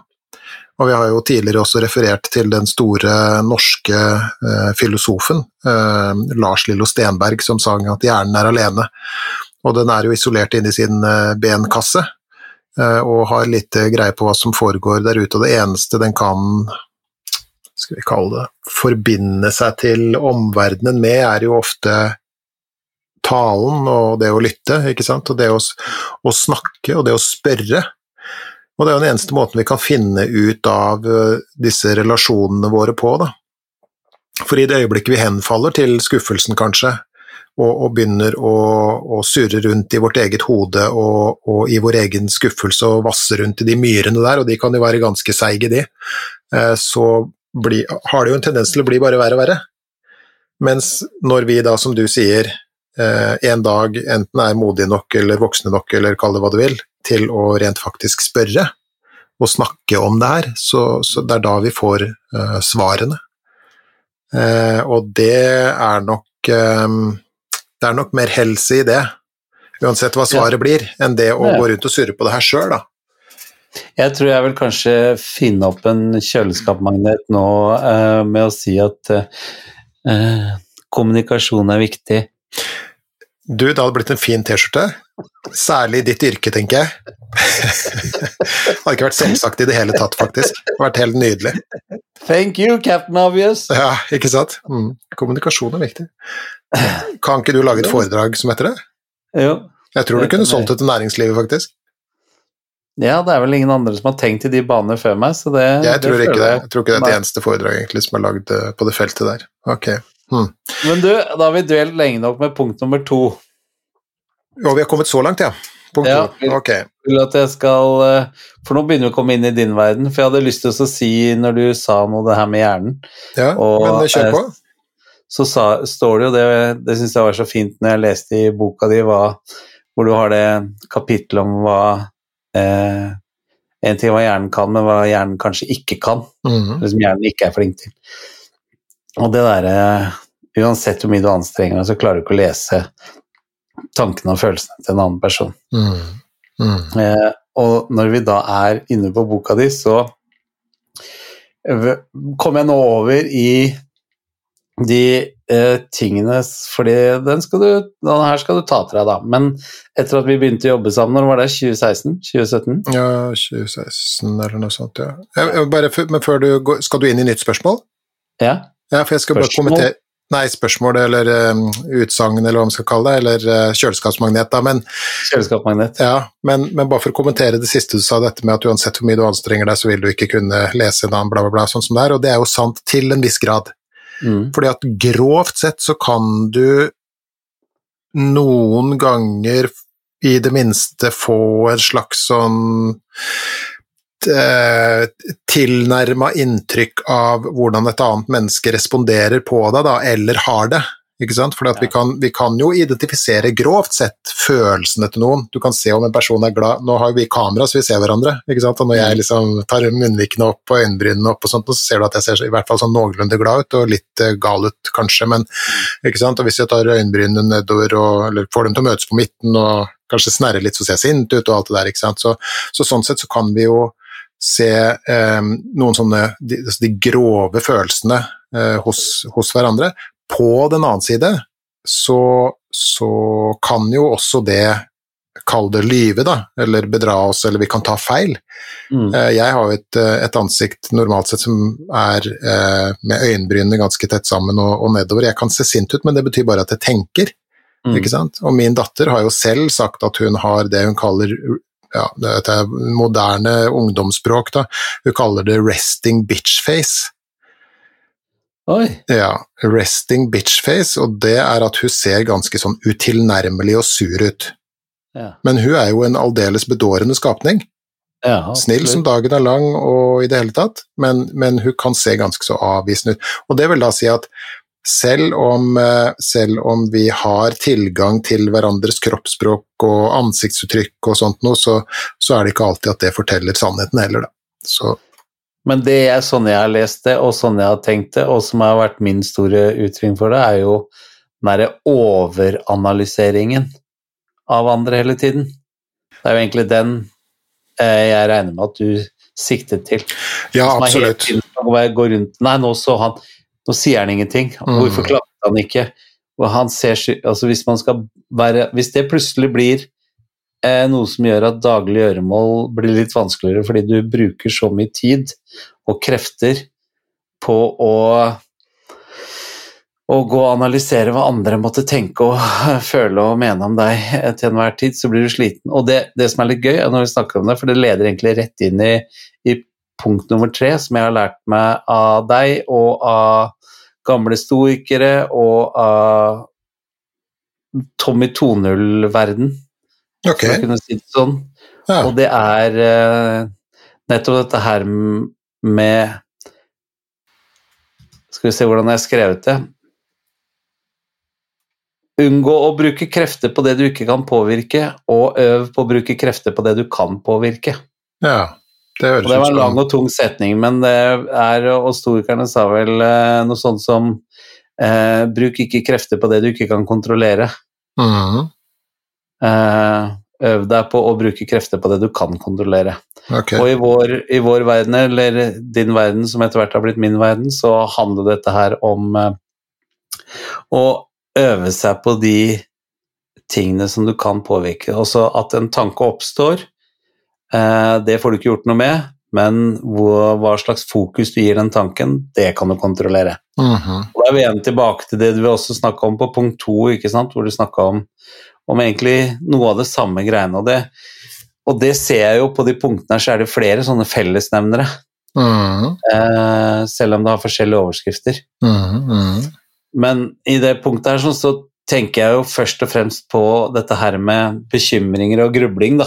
Ja, Som, var, min, som var min store utfordring, ikke sant. Som jeg har Mhm. lært så mye av å lese boken din og lage den forestillingen og ikke minst den podkasten her sammen med deg på. Mm. Eh, som er eh, Jeg vil påstå at jeg er dobbelt så flink til det nå enn det jeg var for fire-fem år siden. Mm. Ja, og så um, Ja, nå så er jo jeg litt sånn i overkant uh, opphengt i ord og sånt, så jeg tenker jo at det handler jo ikke om å være flink, det handler om å være mer bevisst på en måte som er til fordel for seg selv, ja, på en måte. Men, ja, men, men, men uh, uh, hvis du skulle si noe om altså, Ja, for du sier jo at, at uh, dette er min verden som du har blitt dratt inn i, og, og, på mange måter så vil jeg også protestere mot det, fordi at det er jo vår felles verden. Det er, min, ja. det er, min, og din verden, men det er også alle andres verden. Eh, for, men det å ha lære seg Unnskyld? Ja, da hørtes jeg nesten ut som Ronja Røverdatter som var i skogen og sa at eh, det er jo ikke min skog og din skog, men det er villvitrornas skog. Ja. Og grådvergernes skog. Ah. Og så videre. Ja, er, men poenget er at det er, det er den fellesmenneskelige erfaring, dette å, eh, å overtenke og, og, og være være i sine tankers makt av og til, da. Fordi at vi er, er så godt for, utstyrt som vi er. Det er jo ikke for ingenting, eh, Geir, og jeg forstår hva du mener nå. Eh, men eh, vi alle mennesker famler jo fra vi er unge og blir eldre og eldre, og det er jo ikke noe tvil om at selv om det er temaer som du har vært borti og levd i hele tiden, så kommer det plutselig noen og eh, Hva skal jeg si Om de ikke setter ord på det, men eh, gjør deg litt mer oppmerksom på det, så det er lettere for deg å fokusere på enkelte ting. Mm, mm. Uh, såkalt læring, som jeg kaller det. Mm, eller, eller, i ut, utvida forstand kultur, for det er jo det vi gjør. Vi, vi, lærer av hverandre, og vi får Hva skal vi kalle det? da? Vi får Åh, hva heter det? Vi, jeg prøver å, å unngå engelske ord, men er, vi er jo helt forgifta i huet. Input, hva kan vi kalle det? Altså, vi, vi, får jo vi blir, får stadig stimuli fra alle kanter, da. Som ja. gjør at vi kan begynne å få nye tanker, vi kan begynne å gjøre ting annerledes, endre atferden vår, ikke sant? Mm. Og det får vi jo eh, det får vi av hverandre. altså de, i de nære relasjonene, vi får de utvida forstand i, i, samfunnet, og, og også i, på, i, kulturell sammenheng på den måten at vi har igjen da, alle disse historiene og alle disse bøkene, så vi har svære biblioteker fulle av den menneskelige, fellesmenneskelige erfaring, hvor folk som har levd før oss og er klokere enn oss og mer eh, velformulerte enn oss, har, har, skrevet bøker i årtusener, som mm. forteller oss noe om hva det vil si å være folk. Da. Men hvis du skulle si noe om for du, beskriver det som en litt sånn kjøleskapsmagnet. ikke sant? Altså dette med at det er visse ting du kan gjøre noe med, og det er visse ting du ikke kan gjøre noe med, og du øver på å la de du ikke kan gjøre noe med, ligge. Og mm. at du også øver på å gjøre noe med det du faktisk kan gjøre noe med. Kan du gi noe konkret eksempel på hva som eventuelt har endra seg uh, i ditt liv og din tilværelse og din måte å gjøre det på uh, i all denne øvelsen, da? Jeg har som mange andre, eh, eller som alle andre, så har jeg av og til eh, negative tanker som Eller ikke av og til, eller ofte så har jeg negative, vonde tanker som ikke fører noe som helst godt med seg. Mm -hmm. Og ved å dulle og vulle og kulle med de tankene, så har jeg jo erfart at jeg får det bare verre og verre og verre. Eh, for å ta et håndfast eksempel. Eh, jeg vet jo at jeg har snakka med deg mange ganger om eh, at det er på grensen til helseangst. Ikke sant? Og av en eller annen merkelig grunn, jeg tror det er fordi at jeg er 20 kg overvektig, så er hjerteinfarkt en sånn, sånn gjentagende frykt som jeg har. Mm -hmm. Og jeg kan ta seinest i går, så sitter jeg og ser på TV, og så kjenner jeg litt smerte i brystet, og da kommer angsten og så blir jeg varm, og så øker pulsen og sånne ting. Men på under ett minutt, jeg lover deg, det var kanskje 30 sekunder, så klarer jeg å si til meg selv at uh, det er ikke uh, hjerteinfarkt. Ta det bare helt med ro, så går det over av seg sjøl. Det er vondter i kroppen hele tiden. Det er sånn det er å være menneske. Mm. Og så ga det seg. Okay. Mm. Men uh, i andre tilfeller, hvis jeg da begynner å komme inn i kos, vet du, mm. som du noen ganger sender meg tekstmelding om at jeg er i, mm. så, så, utvikler det seg. Så det jeg øver på, er jo um, å nå skyve litt de der negative tankene til siden og heller ha en date med de, som vi har snakka om mange ganger før. Og Mm. oftere og oftere så går det av seg sjøl. Altså det er nesten blitt en automatikk i det på mange områder. Mhm, mhm.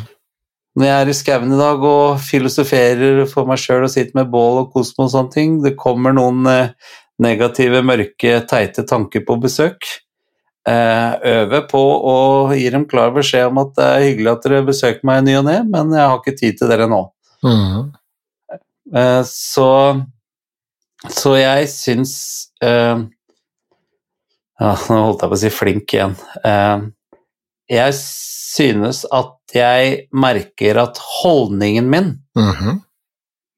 til eh, hva som skjer med meg når negative tanker oppstår, er i ferd med å, å bedre seg. Mhm. Går det an å si bedre seg, eller er det feil òg?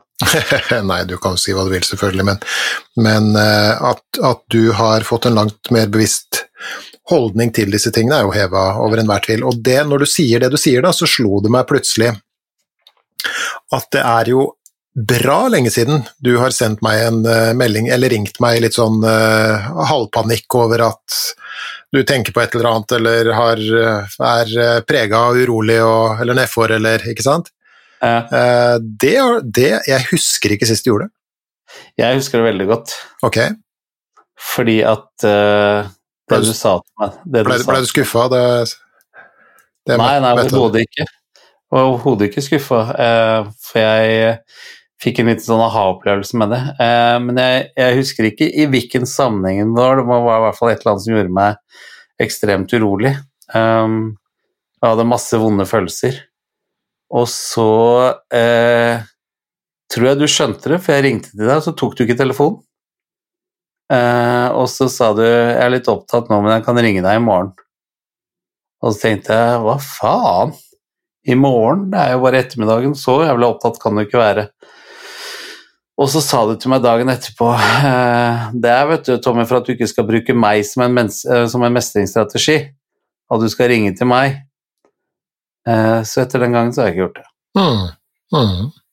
Og da høres det ut som at du har Jeg smyger inn noen sånne småspørsmål av og til, men uh, ikke på samme måte som ja, ja, men det er helt i orden.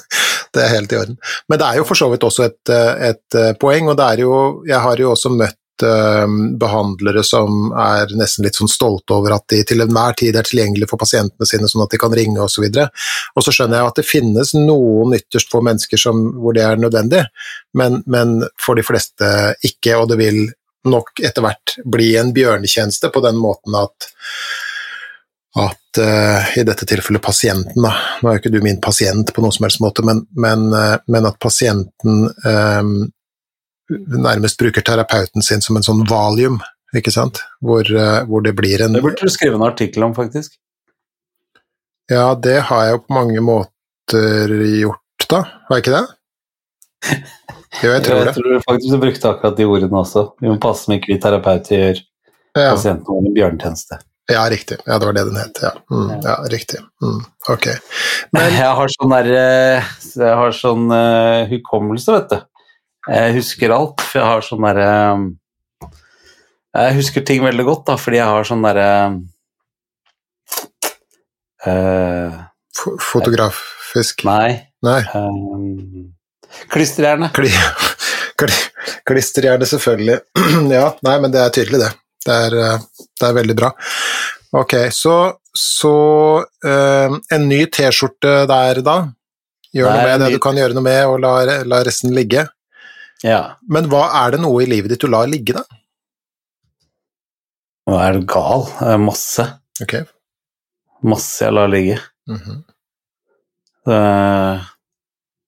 Men det er, det er noen ting jeg tar opp igjen og opp igjen, og så lar jeg det ligge igjen og lar det ligge og lar det ligge. Det er en slags trening for meg. Hva tenker du på? Altså, er det vektløfting du snakker om, eller er det Nei, tenker ikke på det, men jeg øver meg på å la ting ligge. Også, det er litt sånn som at eh, hvis jeg skulle slutte å snuse, så hadde jeg sikkert klart det fire-fem ganger om dagen. Det er bare at jeg begynner igjen. eh, Riktig, riktig, ok. Ja, nei, men uh, greit, det skjønte jeg absolutt ingenting av, så, så vi kan Gjorde du ikke? Nei. Altså, jeg er flink til å la ting ligge, blir flinkere til å Eller, unnskyld. Jeg har vært mer bevisst på å la ting ligge. Mhm. Og når du Og sier ting, hva mener du da? For nå begynte du å blande inn snus og sånn, det var da det skar seg for meg, skjønner du. Ja, det var bare fordi det er ikke noe vanskelig å slutte å røyke, det var det å unngå å begynne igjen som er vanskelig. Ja, ikke sant. Ja, det er det mange sier. Ja. Ja. Så du skal ta fram den blokka igjen. Ikke sant? Så kan du tenke deg Ikke begynn med de papirlappene, jeg skjønner ingenting. Og dessuten, folk ser ikke der, så du må ikke gjøre det, vær så snill. Nei, så det er flere ting eh, jeg klarer å la ligge, eh, men det er det å unngå å ta det opp igjen som er den store utfordringen Mm. eh, for meg. Ja, ok, ja, okay ja, da skjønner jeg. Fordi at, for det, at det skal jo strengt tatt ikke være noe mål i seg selv, å aldri plukke opp visse typer tanker, f.eks. Ikke sant? La oss si fra sin forhistorie, da. Mm. har barndommen, f.eks., som, som, eh, som jo er et vanlig tema også. Mm. så er det ikke noe, noe farlig å gå inn i, i disse tingene og tenke disse tankene, men det er når du plukker opp disse tankene og holder på med dem i timer og, og, og dager og uker og måneder og kanskje til og med år, at det kan begynne å bli litt sånn eh, litt tussig, som de sier på trøndersk. Det er det derre er hu- Du har sikkert lest den historien om den derre læreren som, eh, som står foran avgangsklassen sin, eller hva det er, og så, så plukker han opp et glass vann. Ja. Du har hørt den? Ja. Ja. Skal jeg fortsette på historien, bare for i tilfelle noen ikke har hørt den? ja, det er mange andre som ikke har hørt den. Ja. Du bare spurte meg om jeg har hørt den, så Ja, sa jeg ja. ja. Ok, skal, jeg, skal du fortelle den, eller skal jeg fortelle den? Nei, fortell den, Du er sikkert en bedre historieforteller enn meg uansett. Nei, ok. Ja, men i hvert fall, han plukker opp dette, det er et glass med vann, Mm. og så spør han da klassen sin, og det her er sånn fritt eh, gjengitt altså etter hukommelsen, så jeg husker ikke alle detaljer, men, men sånn cirka sånn er det at han plukker opp dette glasset med vann og holder det foran, på strak arm foran klassen sin og sier, tror, altså, tror dere at det, det er tungt å holde dette glasset? Og så sier de ja, nei, det er ikke spesielt tungt og, og sånt noe, men poenget er jo at han står og holder det, og han holder det over tid. Og etter hvert så begynner hånda hans å skjelve, ikke sant, og til slutt så må han jo gi etter, og, og, og vannet spruter utover, og han greier ikke å, holde det lenger fordi han har stått og holdt det over tid. Da. Og det er jo moralen, ikke moralen, men det er jo på en måte, hva skal vi kalle det, poenget i mye av det vi snakker om også, som er noe av kjernen i i alt fra det vi kaller metakognitiv terapi, da, denne i psykologisk sammenheng ganske nye um, veiledningstilnærminga, vi kan kalle det, og helt tilbake til eh, ganske så gammel, eldgammel livsvisdom. eh, Det, det at du, hvis du står og, og, og holder alle disse vanskelige tankene og følelsene i timer og dager og uker og måneder, så blir det til slutt bokstavelig talt ganske sånn uutholdelig. Da. Mm. Um, og jeg er jo glad på dine vegne, og glad på mine vegne, og glad på alles vegne eh, for de som eh, har fått anledning til å øve på å la ting ligge i så stor grad som mulig. Simpelthen for at det er ikke noe poeng i å gå og bære rundt på det, for du har ingenting igjen for det uansett. Nei, tvert imot. Men vi har en eh, beslutning, eh, min kjære venn. Vi begynner å nærme oss eh, halvannen time snart. Um, Tenker du at vi skal peise gjennom, eller tenker du at vi skal dele der i to? Ja, de to siste er litt sånn uh, til vår uh, Det er nesten så jeg kan Ja. den siste er egentlig en litt konklusjon, og den nummer fire er Vi skal inn i, i litt i vår verden til vår, vår felles mentor Jordan B. Peterson. Jaha, ok. Eh, så dette her med å rydde opp på rommet ditt, eller re opp senga di Aha. Eh, Jeg husker jeg så det er vel på YouTube en veldig populær video også av en admiral som forteller at uansett hva du gjør, så sørg i hvert fall for å re opp senga di når du står opp. Eh, Var det Navy Eh. Seal, tro? Ja, det var i hvert fall en hvit, fin uniform med masse medaljer på. Ja, ja. Så han var litt sjef, og Jordan B. Peterson sier jo som en av eh, de tolv eh, reglene for livet, så sier han også å rydde opp på rommet ditt. Ok. Og for de som da av en eller annen grunn ikke skulle vite hvem Jordan B. Peterson er, så er han en herremann som eh, vi i hvert fall har hatt gleden av å jeg holdt på å si møte. Vi har i hvert fall sett han i, på noen meters avstand. Men det er jo en psykologiprofessor fra, fra Canada som, eh, som har blitt en liten sånn farsott, er det lov å si det? ja, til og med farsfigur for Ja. mange uh, unge, ikke bare uh, gutter og menn, men, men uh, jenter og, og, og Ja, damer også. absolutt. Men han har jo da laget denne, skrevet denne boken derre 'Twelve Rules for Life'. Mhm. Tolv regler om, om for livet. Og nå har han kommet med 12 more rules for life. Ja, så ser du akkurat når du har lært deg de tolv, så skal han gi oss tolv nye. Ja, ja, ja, typisk, vet du. Det er typisk. Mhm. Men han sier i hvert fall dette her med å, å, å rydde på rommet ditt. Mhm. Um, og jeg praktiserer faktisk nå hver eneste dag, uansett om jeg er på jobb eller om jeg er hjemme, så rer jeg opp senga mi. Mhm. For uansett hvordan dagen skal bli, eh, dagen går og hva du måtte møte av utfordringer, så det at når man skal gå og legge seg, så er i hvert fall det i orden. Mhm. Og for meg så handler det, handler det egentlig litt om, og det bruker jeg faktisk eh, eh, veldig mye i jobbsammenheng også, på barnevernsinstitusjonen. Eh, og jeg husker dessverre fra min oppvekst at dette her også er eh, reelt, at eh, når det er kaos i hodet, så er det desto viktigere med orden utenfor. Mm. Sånn at eh, eh, Jeg sier til disse ungdommene og forklarer det, og det er faktisk ekstremt gledelig å se at de fleste tar tegninga. Mm. Og ikke minst oss som jobber med det. Vi har jo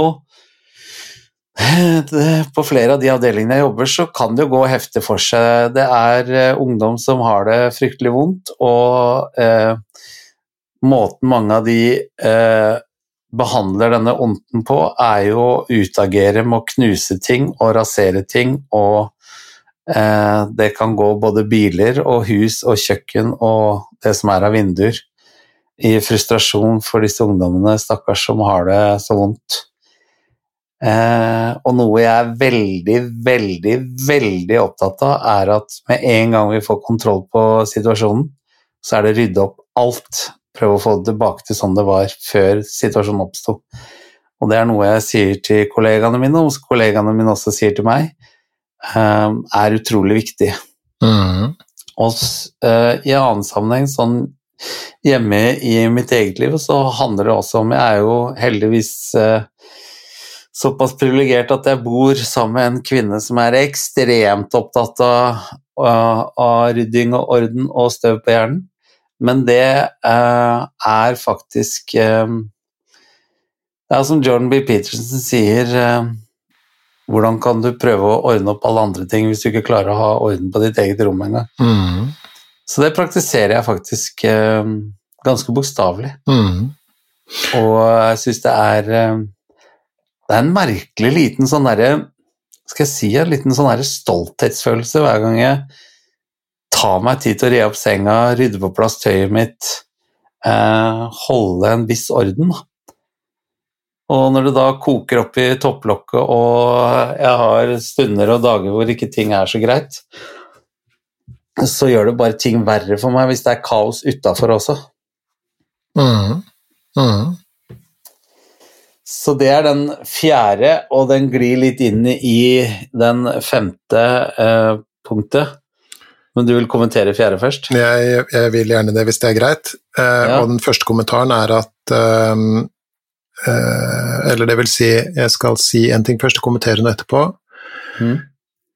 Nei, jeg skal jeg si en ting først. på de to Nei, hør nå. tingene. Jeg skal si noe først, og så skal jeg komme med et forslag, og så skal jeg kommentere. Ok. Er du med på det? Det første jeg skal si er, du har jo også fortalt om en del av disse som du jobber med, som rent faktisk har eh, lest og hørt på Jordan Peterson og finner mening i det. Ja. Eh, så det er jo litt sånn kult, syns jeg. Um, forslaget består i eh, hva om vi hadde um, Nå har jeg lest den første boka, men la oss eh, tenke om vi kunne lagd to episoder da, basert på de to bøkene, f.eks og gått gjennom disse reglene, altså sett om vi fant noe mening i det, om det er, det noe som, ja, om det er noe som klinger inn i måten vi tenker på osv. Så, videre. så det har vært litt kult, da. Det syns jeg vi skal, skal gjøre. Ja. Um, og uh, det tredje er at det høres jo så nesten litt sånn selvsagt ut, litt floskelaktig ut, litt, nesten litt sånn barnlig ut, og skulle re opp senga si og, og forhåpentligvis også rydde rommet sitt. Men poenget er vel også det at det har dypere mening på mange måter. Da. Det ene er jo som du nå eh, snakker om, at når vi Altså, livet i seg selv er jo kaotisk nok, og noen ganger så kan jo også livet bli ekstra eh, kaotisk. Eh, og det da å skape orden, selv på en så liten måte, vil kunne være psykologisk viktig for oss. Da. Ikke bare psykologisk, men nesten sånn eksistensielt riktig. Da har du i det minste skapt orden og, og, og gjort noe vakkert et sted, da. Ikke sant? Men i utvida um, forstand så handler det jo om um, at du skal starte i det små uh, med det å ta ansvar for noe. Mm. Ikke sant? Fordi at når du tar ansvar for å skape orden rundt det, så er det starten på noe du kan utvide etter hvert. da. Mm. Eh, så han, som, han, han, er jo opptatt av ikke bare samfunnsperspektivet, men individperspektivet. At vi mennesker har et individuelt ansvar for å ja, skape en bedre verden. Ikke bare for oss selv, men også for andre. Og at vi starter med det individuelle ansvaret. Og selv så tilforlatelig det kan høres ut, det å reie opp senga si om morgenen er en god start på mm. akkurat det med å ta ansvar. Og det er jo antagelig ikke uten grunn at unge mennesker fra hele verden legger ut på sosiale medier at de rer opp senga si. Så det, det er åpenbart noe da som, som, klinger i dem som meningsfullt, da. Og hans postulat er jo, og han har også skrevet ikke bare disse to bøkene vi nå har referert til, men han har skrevet en bok som heter Maps of Meaning, som handler nettopp om myter og historier og, og, og sånt noe, hvor, og, og hans, eh, hans eh, En av hans budskap er jo det at, at det, ligger, det ligger mye mening i det å ta ansvar. Du kan skape en mening i livet gjennom å ta så mye ansvar du bare klarer, og bære så tungt du bare klarer det. Og det, for meg i hvert fall, så, så høres det ganske sånn fornuftig ut. Mm. Eh, for hvis livet bare skal være nytelse, og at det skal være så bra som mulig og så smertefritt som mulig, så ser det ut til at vi blir ganske sånn eh, utarma og åndsfattige av det. Og da kommer jo de gamle stoikerne også, som sier jo dette her med jo mer ukomfortabelt du har det, desto mer komfortabelt får du det. Mm. Mm. Også er inn der, ikke sant. Mm. Yte før nyte. Altså det er mange ting mm. som som spiller inn på, på det samme. Mm. Og nå nevnte jo du faktisk femtepunktet også, for det, dette er jo på en måte som en konklusjon da, på disse visdomspunktene, eller hva du ønsker å, å kalle det. Og det er jo at mitt overordna mål, og vårt, for jeg vet det er det samme for deg også, for vi snakker ofte om det, at vi skal forlate den verden her litt bedre enn da vi kom inn i den. Ok, så det er ditt femte punkt. Ja. Mm. Mm. Hva, hva, hva, hva, legger, legger, du i det? Jeg skal gjøre det jeg kan for, eh, for både mine nærmeste og de menneskene jeg møter på med meg, at eh, jeg anstrenger meg for å utgjøre en forskjell. Mm -hmm. det, hø det, høres jo også litt sånn floskelagt floskelaktig ut. Utgjør en forskjell på hvilken ja. måte? Ja, men av og til så får setningen en annen betydning når du hører hele. Nei, eh, Eh, I det så, så, legger jeg at uh, jeg har faktisk en sånn liten fyr på skulderen uh, stor del av tiden, sier du. Uh, prøve å gjøre gode gjerninger, ikke mhm. sant. hjelpe folk når jeg kan hjelpe folk. sånn at jeg har vært med på å Mennesker rundt meg har hatt positive opplevelser, opplevd kjærlighet, eh, fått oppmerksomhet, jeg har sett de. Så jeg har gjort sånne småting som jeg eh, kan gjøre, som gjør at eh, verden er litt bedre når jeg drar, enn når jeg kom. Mm -hmm. Og ikke det motsatte. Mm. For det er lett. Det er, det er lett. Ja. Det er kanskje det letteste. Det er det veldig lett. Det er lettere å ødelegge enn å bygge opp, blant annet. Og det er lettere å skape kaos enn det er å skape orden? Ja. Men det du sier der, er jo Vi har jo snakka om det, så, her, så, akkurat oss imellom så både preker du for koret og sparker inn åpne dører, som det heter. Men, men, eh, men jeg tenker at, at eh, Altså, jeg er jo eh, enig i den Kall det sånn Ja, kall det livsfilosofien, da. Og jeg tenker at det du snakker om, er jo Hva skal vi kalle det, da? Det er som om du har definert en mening med livet ditt. Da. Mm. Fordi at det er jo noen som er litt sånn uh, nihilistiske og sier at uh, um, uh, alt er meningsløst, vi er, vi er ørsmå skapninger som lever i et glimt av tid på et lite støvkorn i et uendelig univers. Hva i helsike er det, hva, hva, er poenget, liksom? Det er ikke noe mening med livet, bare fest og, og ha det kult så lenge du bare gidder, på en måte. Og mange mennesker Og det her tror jeg jeg nevnte for deg i en, en, av de tidligere episodene også, en ting som, en av, altså, som mine kolleger eh, på, på, min jobb da meldte tilbake nå, var jo Og kanskje var det i forbindelse med, med covid og alt det der, at det så ut til å være en liten sånn økning i, kall det litt sånn eksistensielle plager, da eller ikke plager nødvendigvis, men at, at, folk hadde litt mer sånn eksistensielle tanker. Hva er nå poenget med det her, og så videre. Og det her er jo noe mennesket har tumla med gjennom alle tider. Meningen med livet. Hva er meningen med livet? ikke sant? Men, men, og det her snakker jo blant annet også Jordan Peterson om. Stoikerne snakker om det. Um, og i all beskjedenhet, vi snakker også om det. Dette med å skape seg en mening. Og det å ta ansvar for seg selv og for menneskene rundt seg eh, på en sånn måte at verden i hvert fall ikke skal være enda verre, og det skal ikke være mer lidelse i verden den dagen jeg forlater eh, denne planeten. Det er noe som har potensial til å skape mening i det som, hvis man er så dum at man går ned den veien, liksom, eh, kan, kan tenke er et, er et meningsløst lite blaff av et menneskeliv. Da. Mm. Men det å kunne eh, adoptere den holdninga og tenke at altså, Det betyr jo ikke at du skal fly rundt og være en sånn guttespeider og hjelpe gamle damer over vei, det er jo ikke det det handler om. Eller at du skal bli selvutslettende eller noe sånt, men, men det handler om å ta noen bevisste valg på å Litt sånn som det første prinsippet ditt i dag, da. Dette med å behandle andre med, med vennlighet og verdighet, f.eks. Ikke sant? Mm. Det er å, å bidra til at, at det ikke blir verre enn det er, fordi at ja, det er litt som uh, de fleste som vi snakker om i denne podkasten, um, eh, både religiøst og filosofisk, snakker om at livet er lidelse. Det er nok lidelse her. Så skal vi prøve å i det minste, som et sånt minsteprinsipp, ikke bidra til å øke den lidelsen. Mm. Uh, så det syns jeg er et utmerket prinsipp. Uh, unge herr Stein. Ja, og, vi, og, vi, har jo eh, Vi sa jo det når vi skrev forestillingen sammen. Mm. Så sa vi at eh, det er kjempekult hvis det her selger bra og det er mange mennesker som kommer og ser på det, men det overordna målet var at hvis det er én person, én person som kan bekrefte for oss at eh, takk for det dere snakka om, og sånne ting, det gjør at jeg har det litt lettere nå. Mm.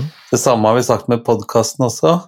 Vi bruker jo eh, masse tid og masse egne penger og alt på å få kunne lage podkast, men hvis det er ett menneske i løpet av ja, det er jubileum neste episode, faktisk. Mm. Eh, av disse 50 episodene som har fått det litt bedre fordi vi gjør det, så er det verdt det. Og det har vi jo fått eh, opptil flere bekreftelser på at det er Og da har vi nådd på målet, liksom hovedmålet mm. med det vi holder på med. Mm. Og det er en av de tingene jeg snakker om som Hvis jeg kan være med og gjøre et eller annet som at én person får det litt bedre fordi det jeg sa eller gjorde eller mente eller uh, følte eller tenkte der og da. Så derfor så har jeg det som det femte, og, og på en måte paraplyprinsippet eh, mitt. Ja. Mm, mm. ja. det er kjempebra, og jeg tenker jo at du har jo evig rett. at det var jo, det var jo tanken bak showet, det er tanken bak podkasten, og det var også tanken bak eh, boka. Mm. At er det en person som kan si at dette har gjort at det er litt lettere å gå i, for å bli litt flosklete, da, livets eh, motbakker, så er, eh, så er, alt verdt det. Og det betyr jo ikke at uh, vi verken tror eller håper at vi er noe sånn derre på å si, Messias-aktig på noen som helst måte. Men det å, medmenneske. Ja, medmenneske. Det å være medvandrer og forstå at andre opplever det samme som deg og strever akkurat like mye som det du gjør. Mm. Og, og, det er jo kanskje det som er det mest ulykksalige med det å være menneske, da. Det er jo at vi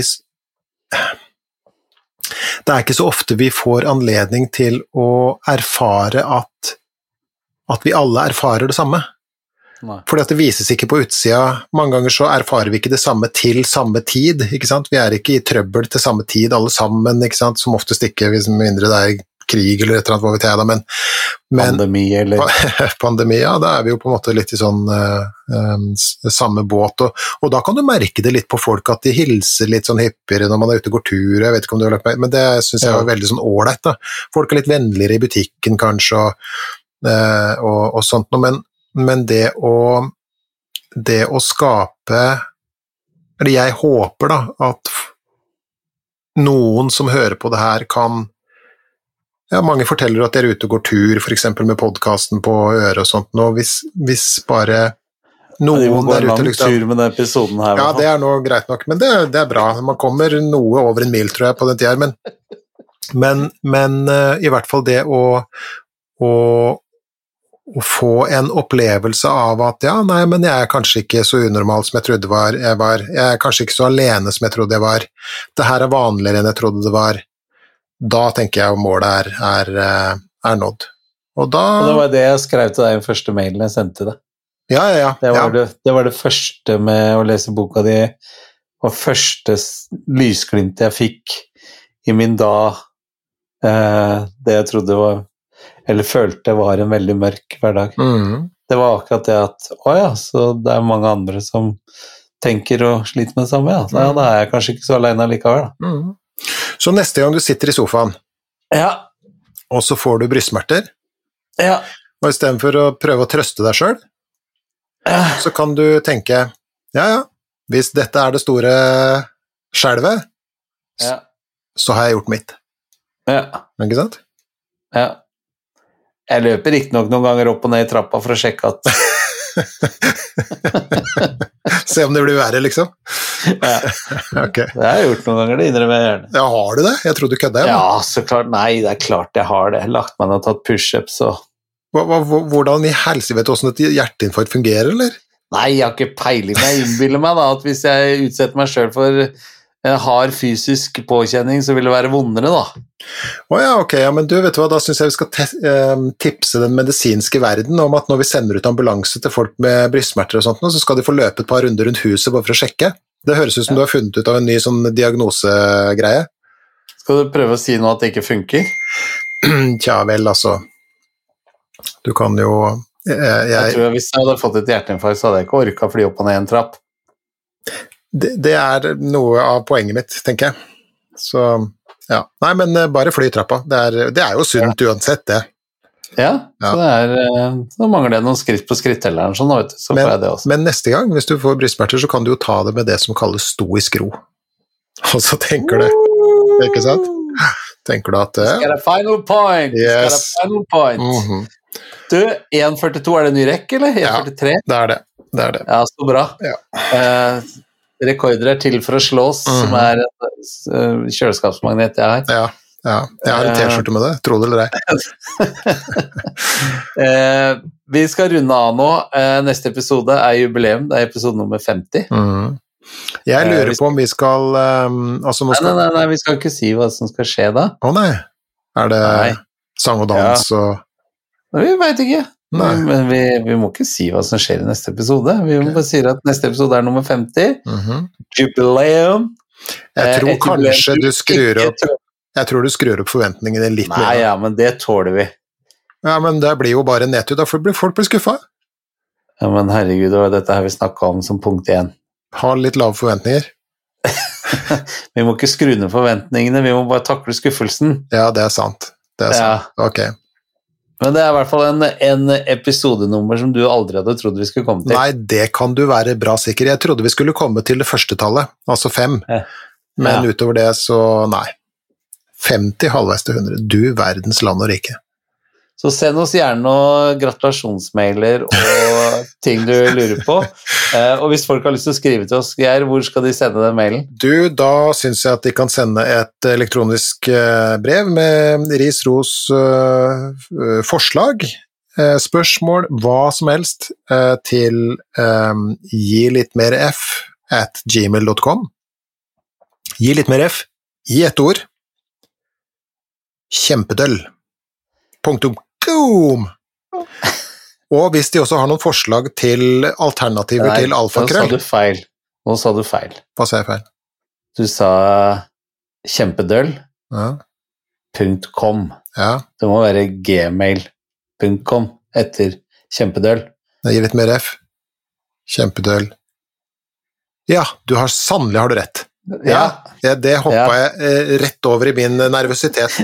Nei, du var så fornøyd med kjempedøl? Ja, jeg var antagelig det. Men uansett, da, hvis noen har, eh, har alternative forslag til, eh, til alfakrøll, så ja. må de bare sende inn det også. Det så kan de få opplest sitt, sitt alternativ til, til alfakrøll eller kanelsnurre eller hva det nå heter alt. Um, ja, så der var vi ved veis ende denne gangen. Har du noe var... du vil eh, tillegge før vi um, avslutter for um, kvelden eller dagen? Jeg har lyst til å takke for nok en uh, herlig stund sammen med deg, Geir. Mm. Og håper det ikke blir så lenge til neste gang. Og gleder meg til jubileumsepisoden. Det gjør jeg også, tror jeg, for jeg aner ikke riktig hva du har planlagt. Se for Nei, meg noe sånn, kan, sånn kan-kan, potpurri Nei? Ja, litt sånn. Sånn og du har tenkt å kjøre Oi, full lydeffekt. jeg håper, Nei, jeg skal ikke jeg håper altså de lydeffektene kommer med, hvis ikke så ligger vi kanskje litt tynt an. det blir morsomt å høre gjennom Men etterpå. Trykk på det der trommevirvelen, skal jeg bare se om det gir utslag på Nei, jeg gjør ikke det, skjønner du. Jeg tror ikke det kommer med. Gjør det ikke? Nei. Så jeg kan gjøre sånn mye også uten Nei, ikke, ikke gjør det, det er så forstyrrende. Okay. Ja. Okay. Men, eh, men, uansett, eh, vi er ved veis ende eh, for denne gangen. Vi kommer forhåpentligvis ganske snart tilbake, jeg håper det i hvert fall, med en jubileumsepisode som ikke jeg aner hva skal handle om, men det vet Tommy og han smiler lurt og hva vet jeg, og kanskje blir alle sammen superskuffa. Det får bare være. Tommy, uh, tusen hjertelig takk for uh, denne episoden, og så ses vi snart igjen. Tjalabais! Ha det! Ha det.